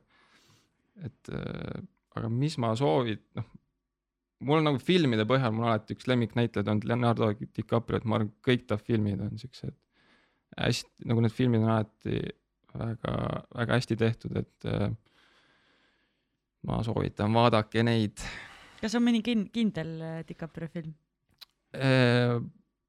ma arvan, et mul väga meeldis The Revenant, ma ei tea, kuidas see eesti keeles praegu on. seal, kus ta karuga võitles ja see oli väga, väga lahe see on väga-väga hea. see vist oli Oscari film ka, ka. äh,. vist oli küll jah, minu arust oli. kõlab väga loogiliselt. mina soovitaks Mm. seda viimast äh,, issand, mis selle filmi nimi oli, kus ta Jennifer Lawrence'iga olid? This is, Don't look up või? jaa, Don't look up jaa. aa jaa, see oli ka see lahe oli jah mm. Sad but true, but sad but true. aga üks viimane siis soovitus, et üks koht, mida iga inimene võiks külastada. Eh, kui ma nüüd nii mõtlen, ma arvan, et inimesed võiks külastada, noh, ma tean päris palju minu sõpru ja tuttavaid on ka, et on nagu linna kolinud, et võiks ikkagi külastada oma kodukohta rohkem. ma tean nagu enda puhul on ka see, et ma olen ju noh, Tartu lähedalt Abirust pärit. Ma nüüd noh, praegu olen ju Tallinnas, ma olen siin neli aastat umbes elanud, et eh, tegelikult nii vähe, nii vähe satub sinna oma sinna eh, maakohta, kus sa nagu üles kasvasid, et eh, ja iga kord, kui sa käid seal, siis on siuke mingi siuke teistsugune tunne, vaata, et ikkagi oma nagu kodu ja siuke hea kerge tunne on. et ma arvan, et jah, inimesed ei tohiks ära unustada oma seda sünni ja kodu, kodupaika, et külastage rohkem siukseid, üldse nagu maakohad on, eriti kui sa kogu aeg linnas elad, siis maakoht on alati hea minna ja siuke täiesti teistsugune nagu olemine ja olek on, et jah, minge vaadake, mis kodus toimub ikkagi. nii nunnu. ma arvan, et sellel noodil ongi meil õige hetk kokku pakkida. aitäh sulle, et sa meile külla tulid jaa, suured tänud, et kutsusite. väga lahe vestlus, tõesti. Ja aitäh, kuulajad-vaatajad ja järgmise korrani. Sportland, Be First podcast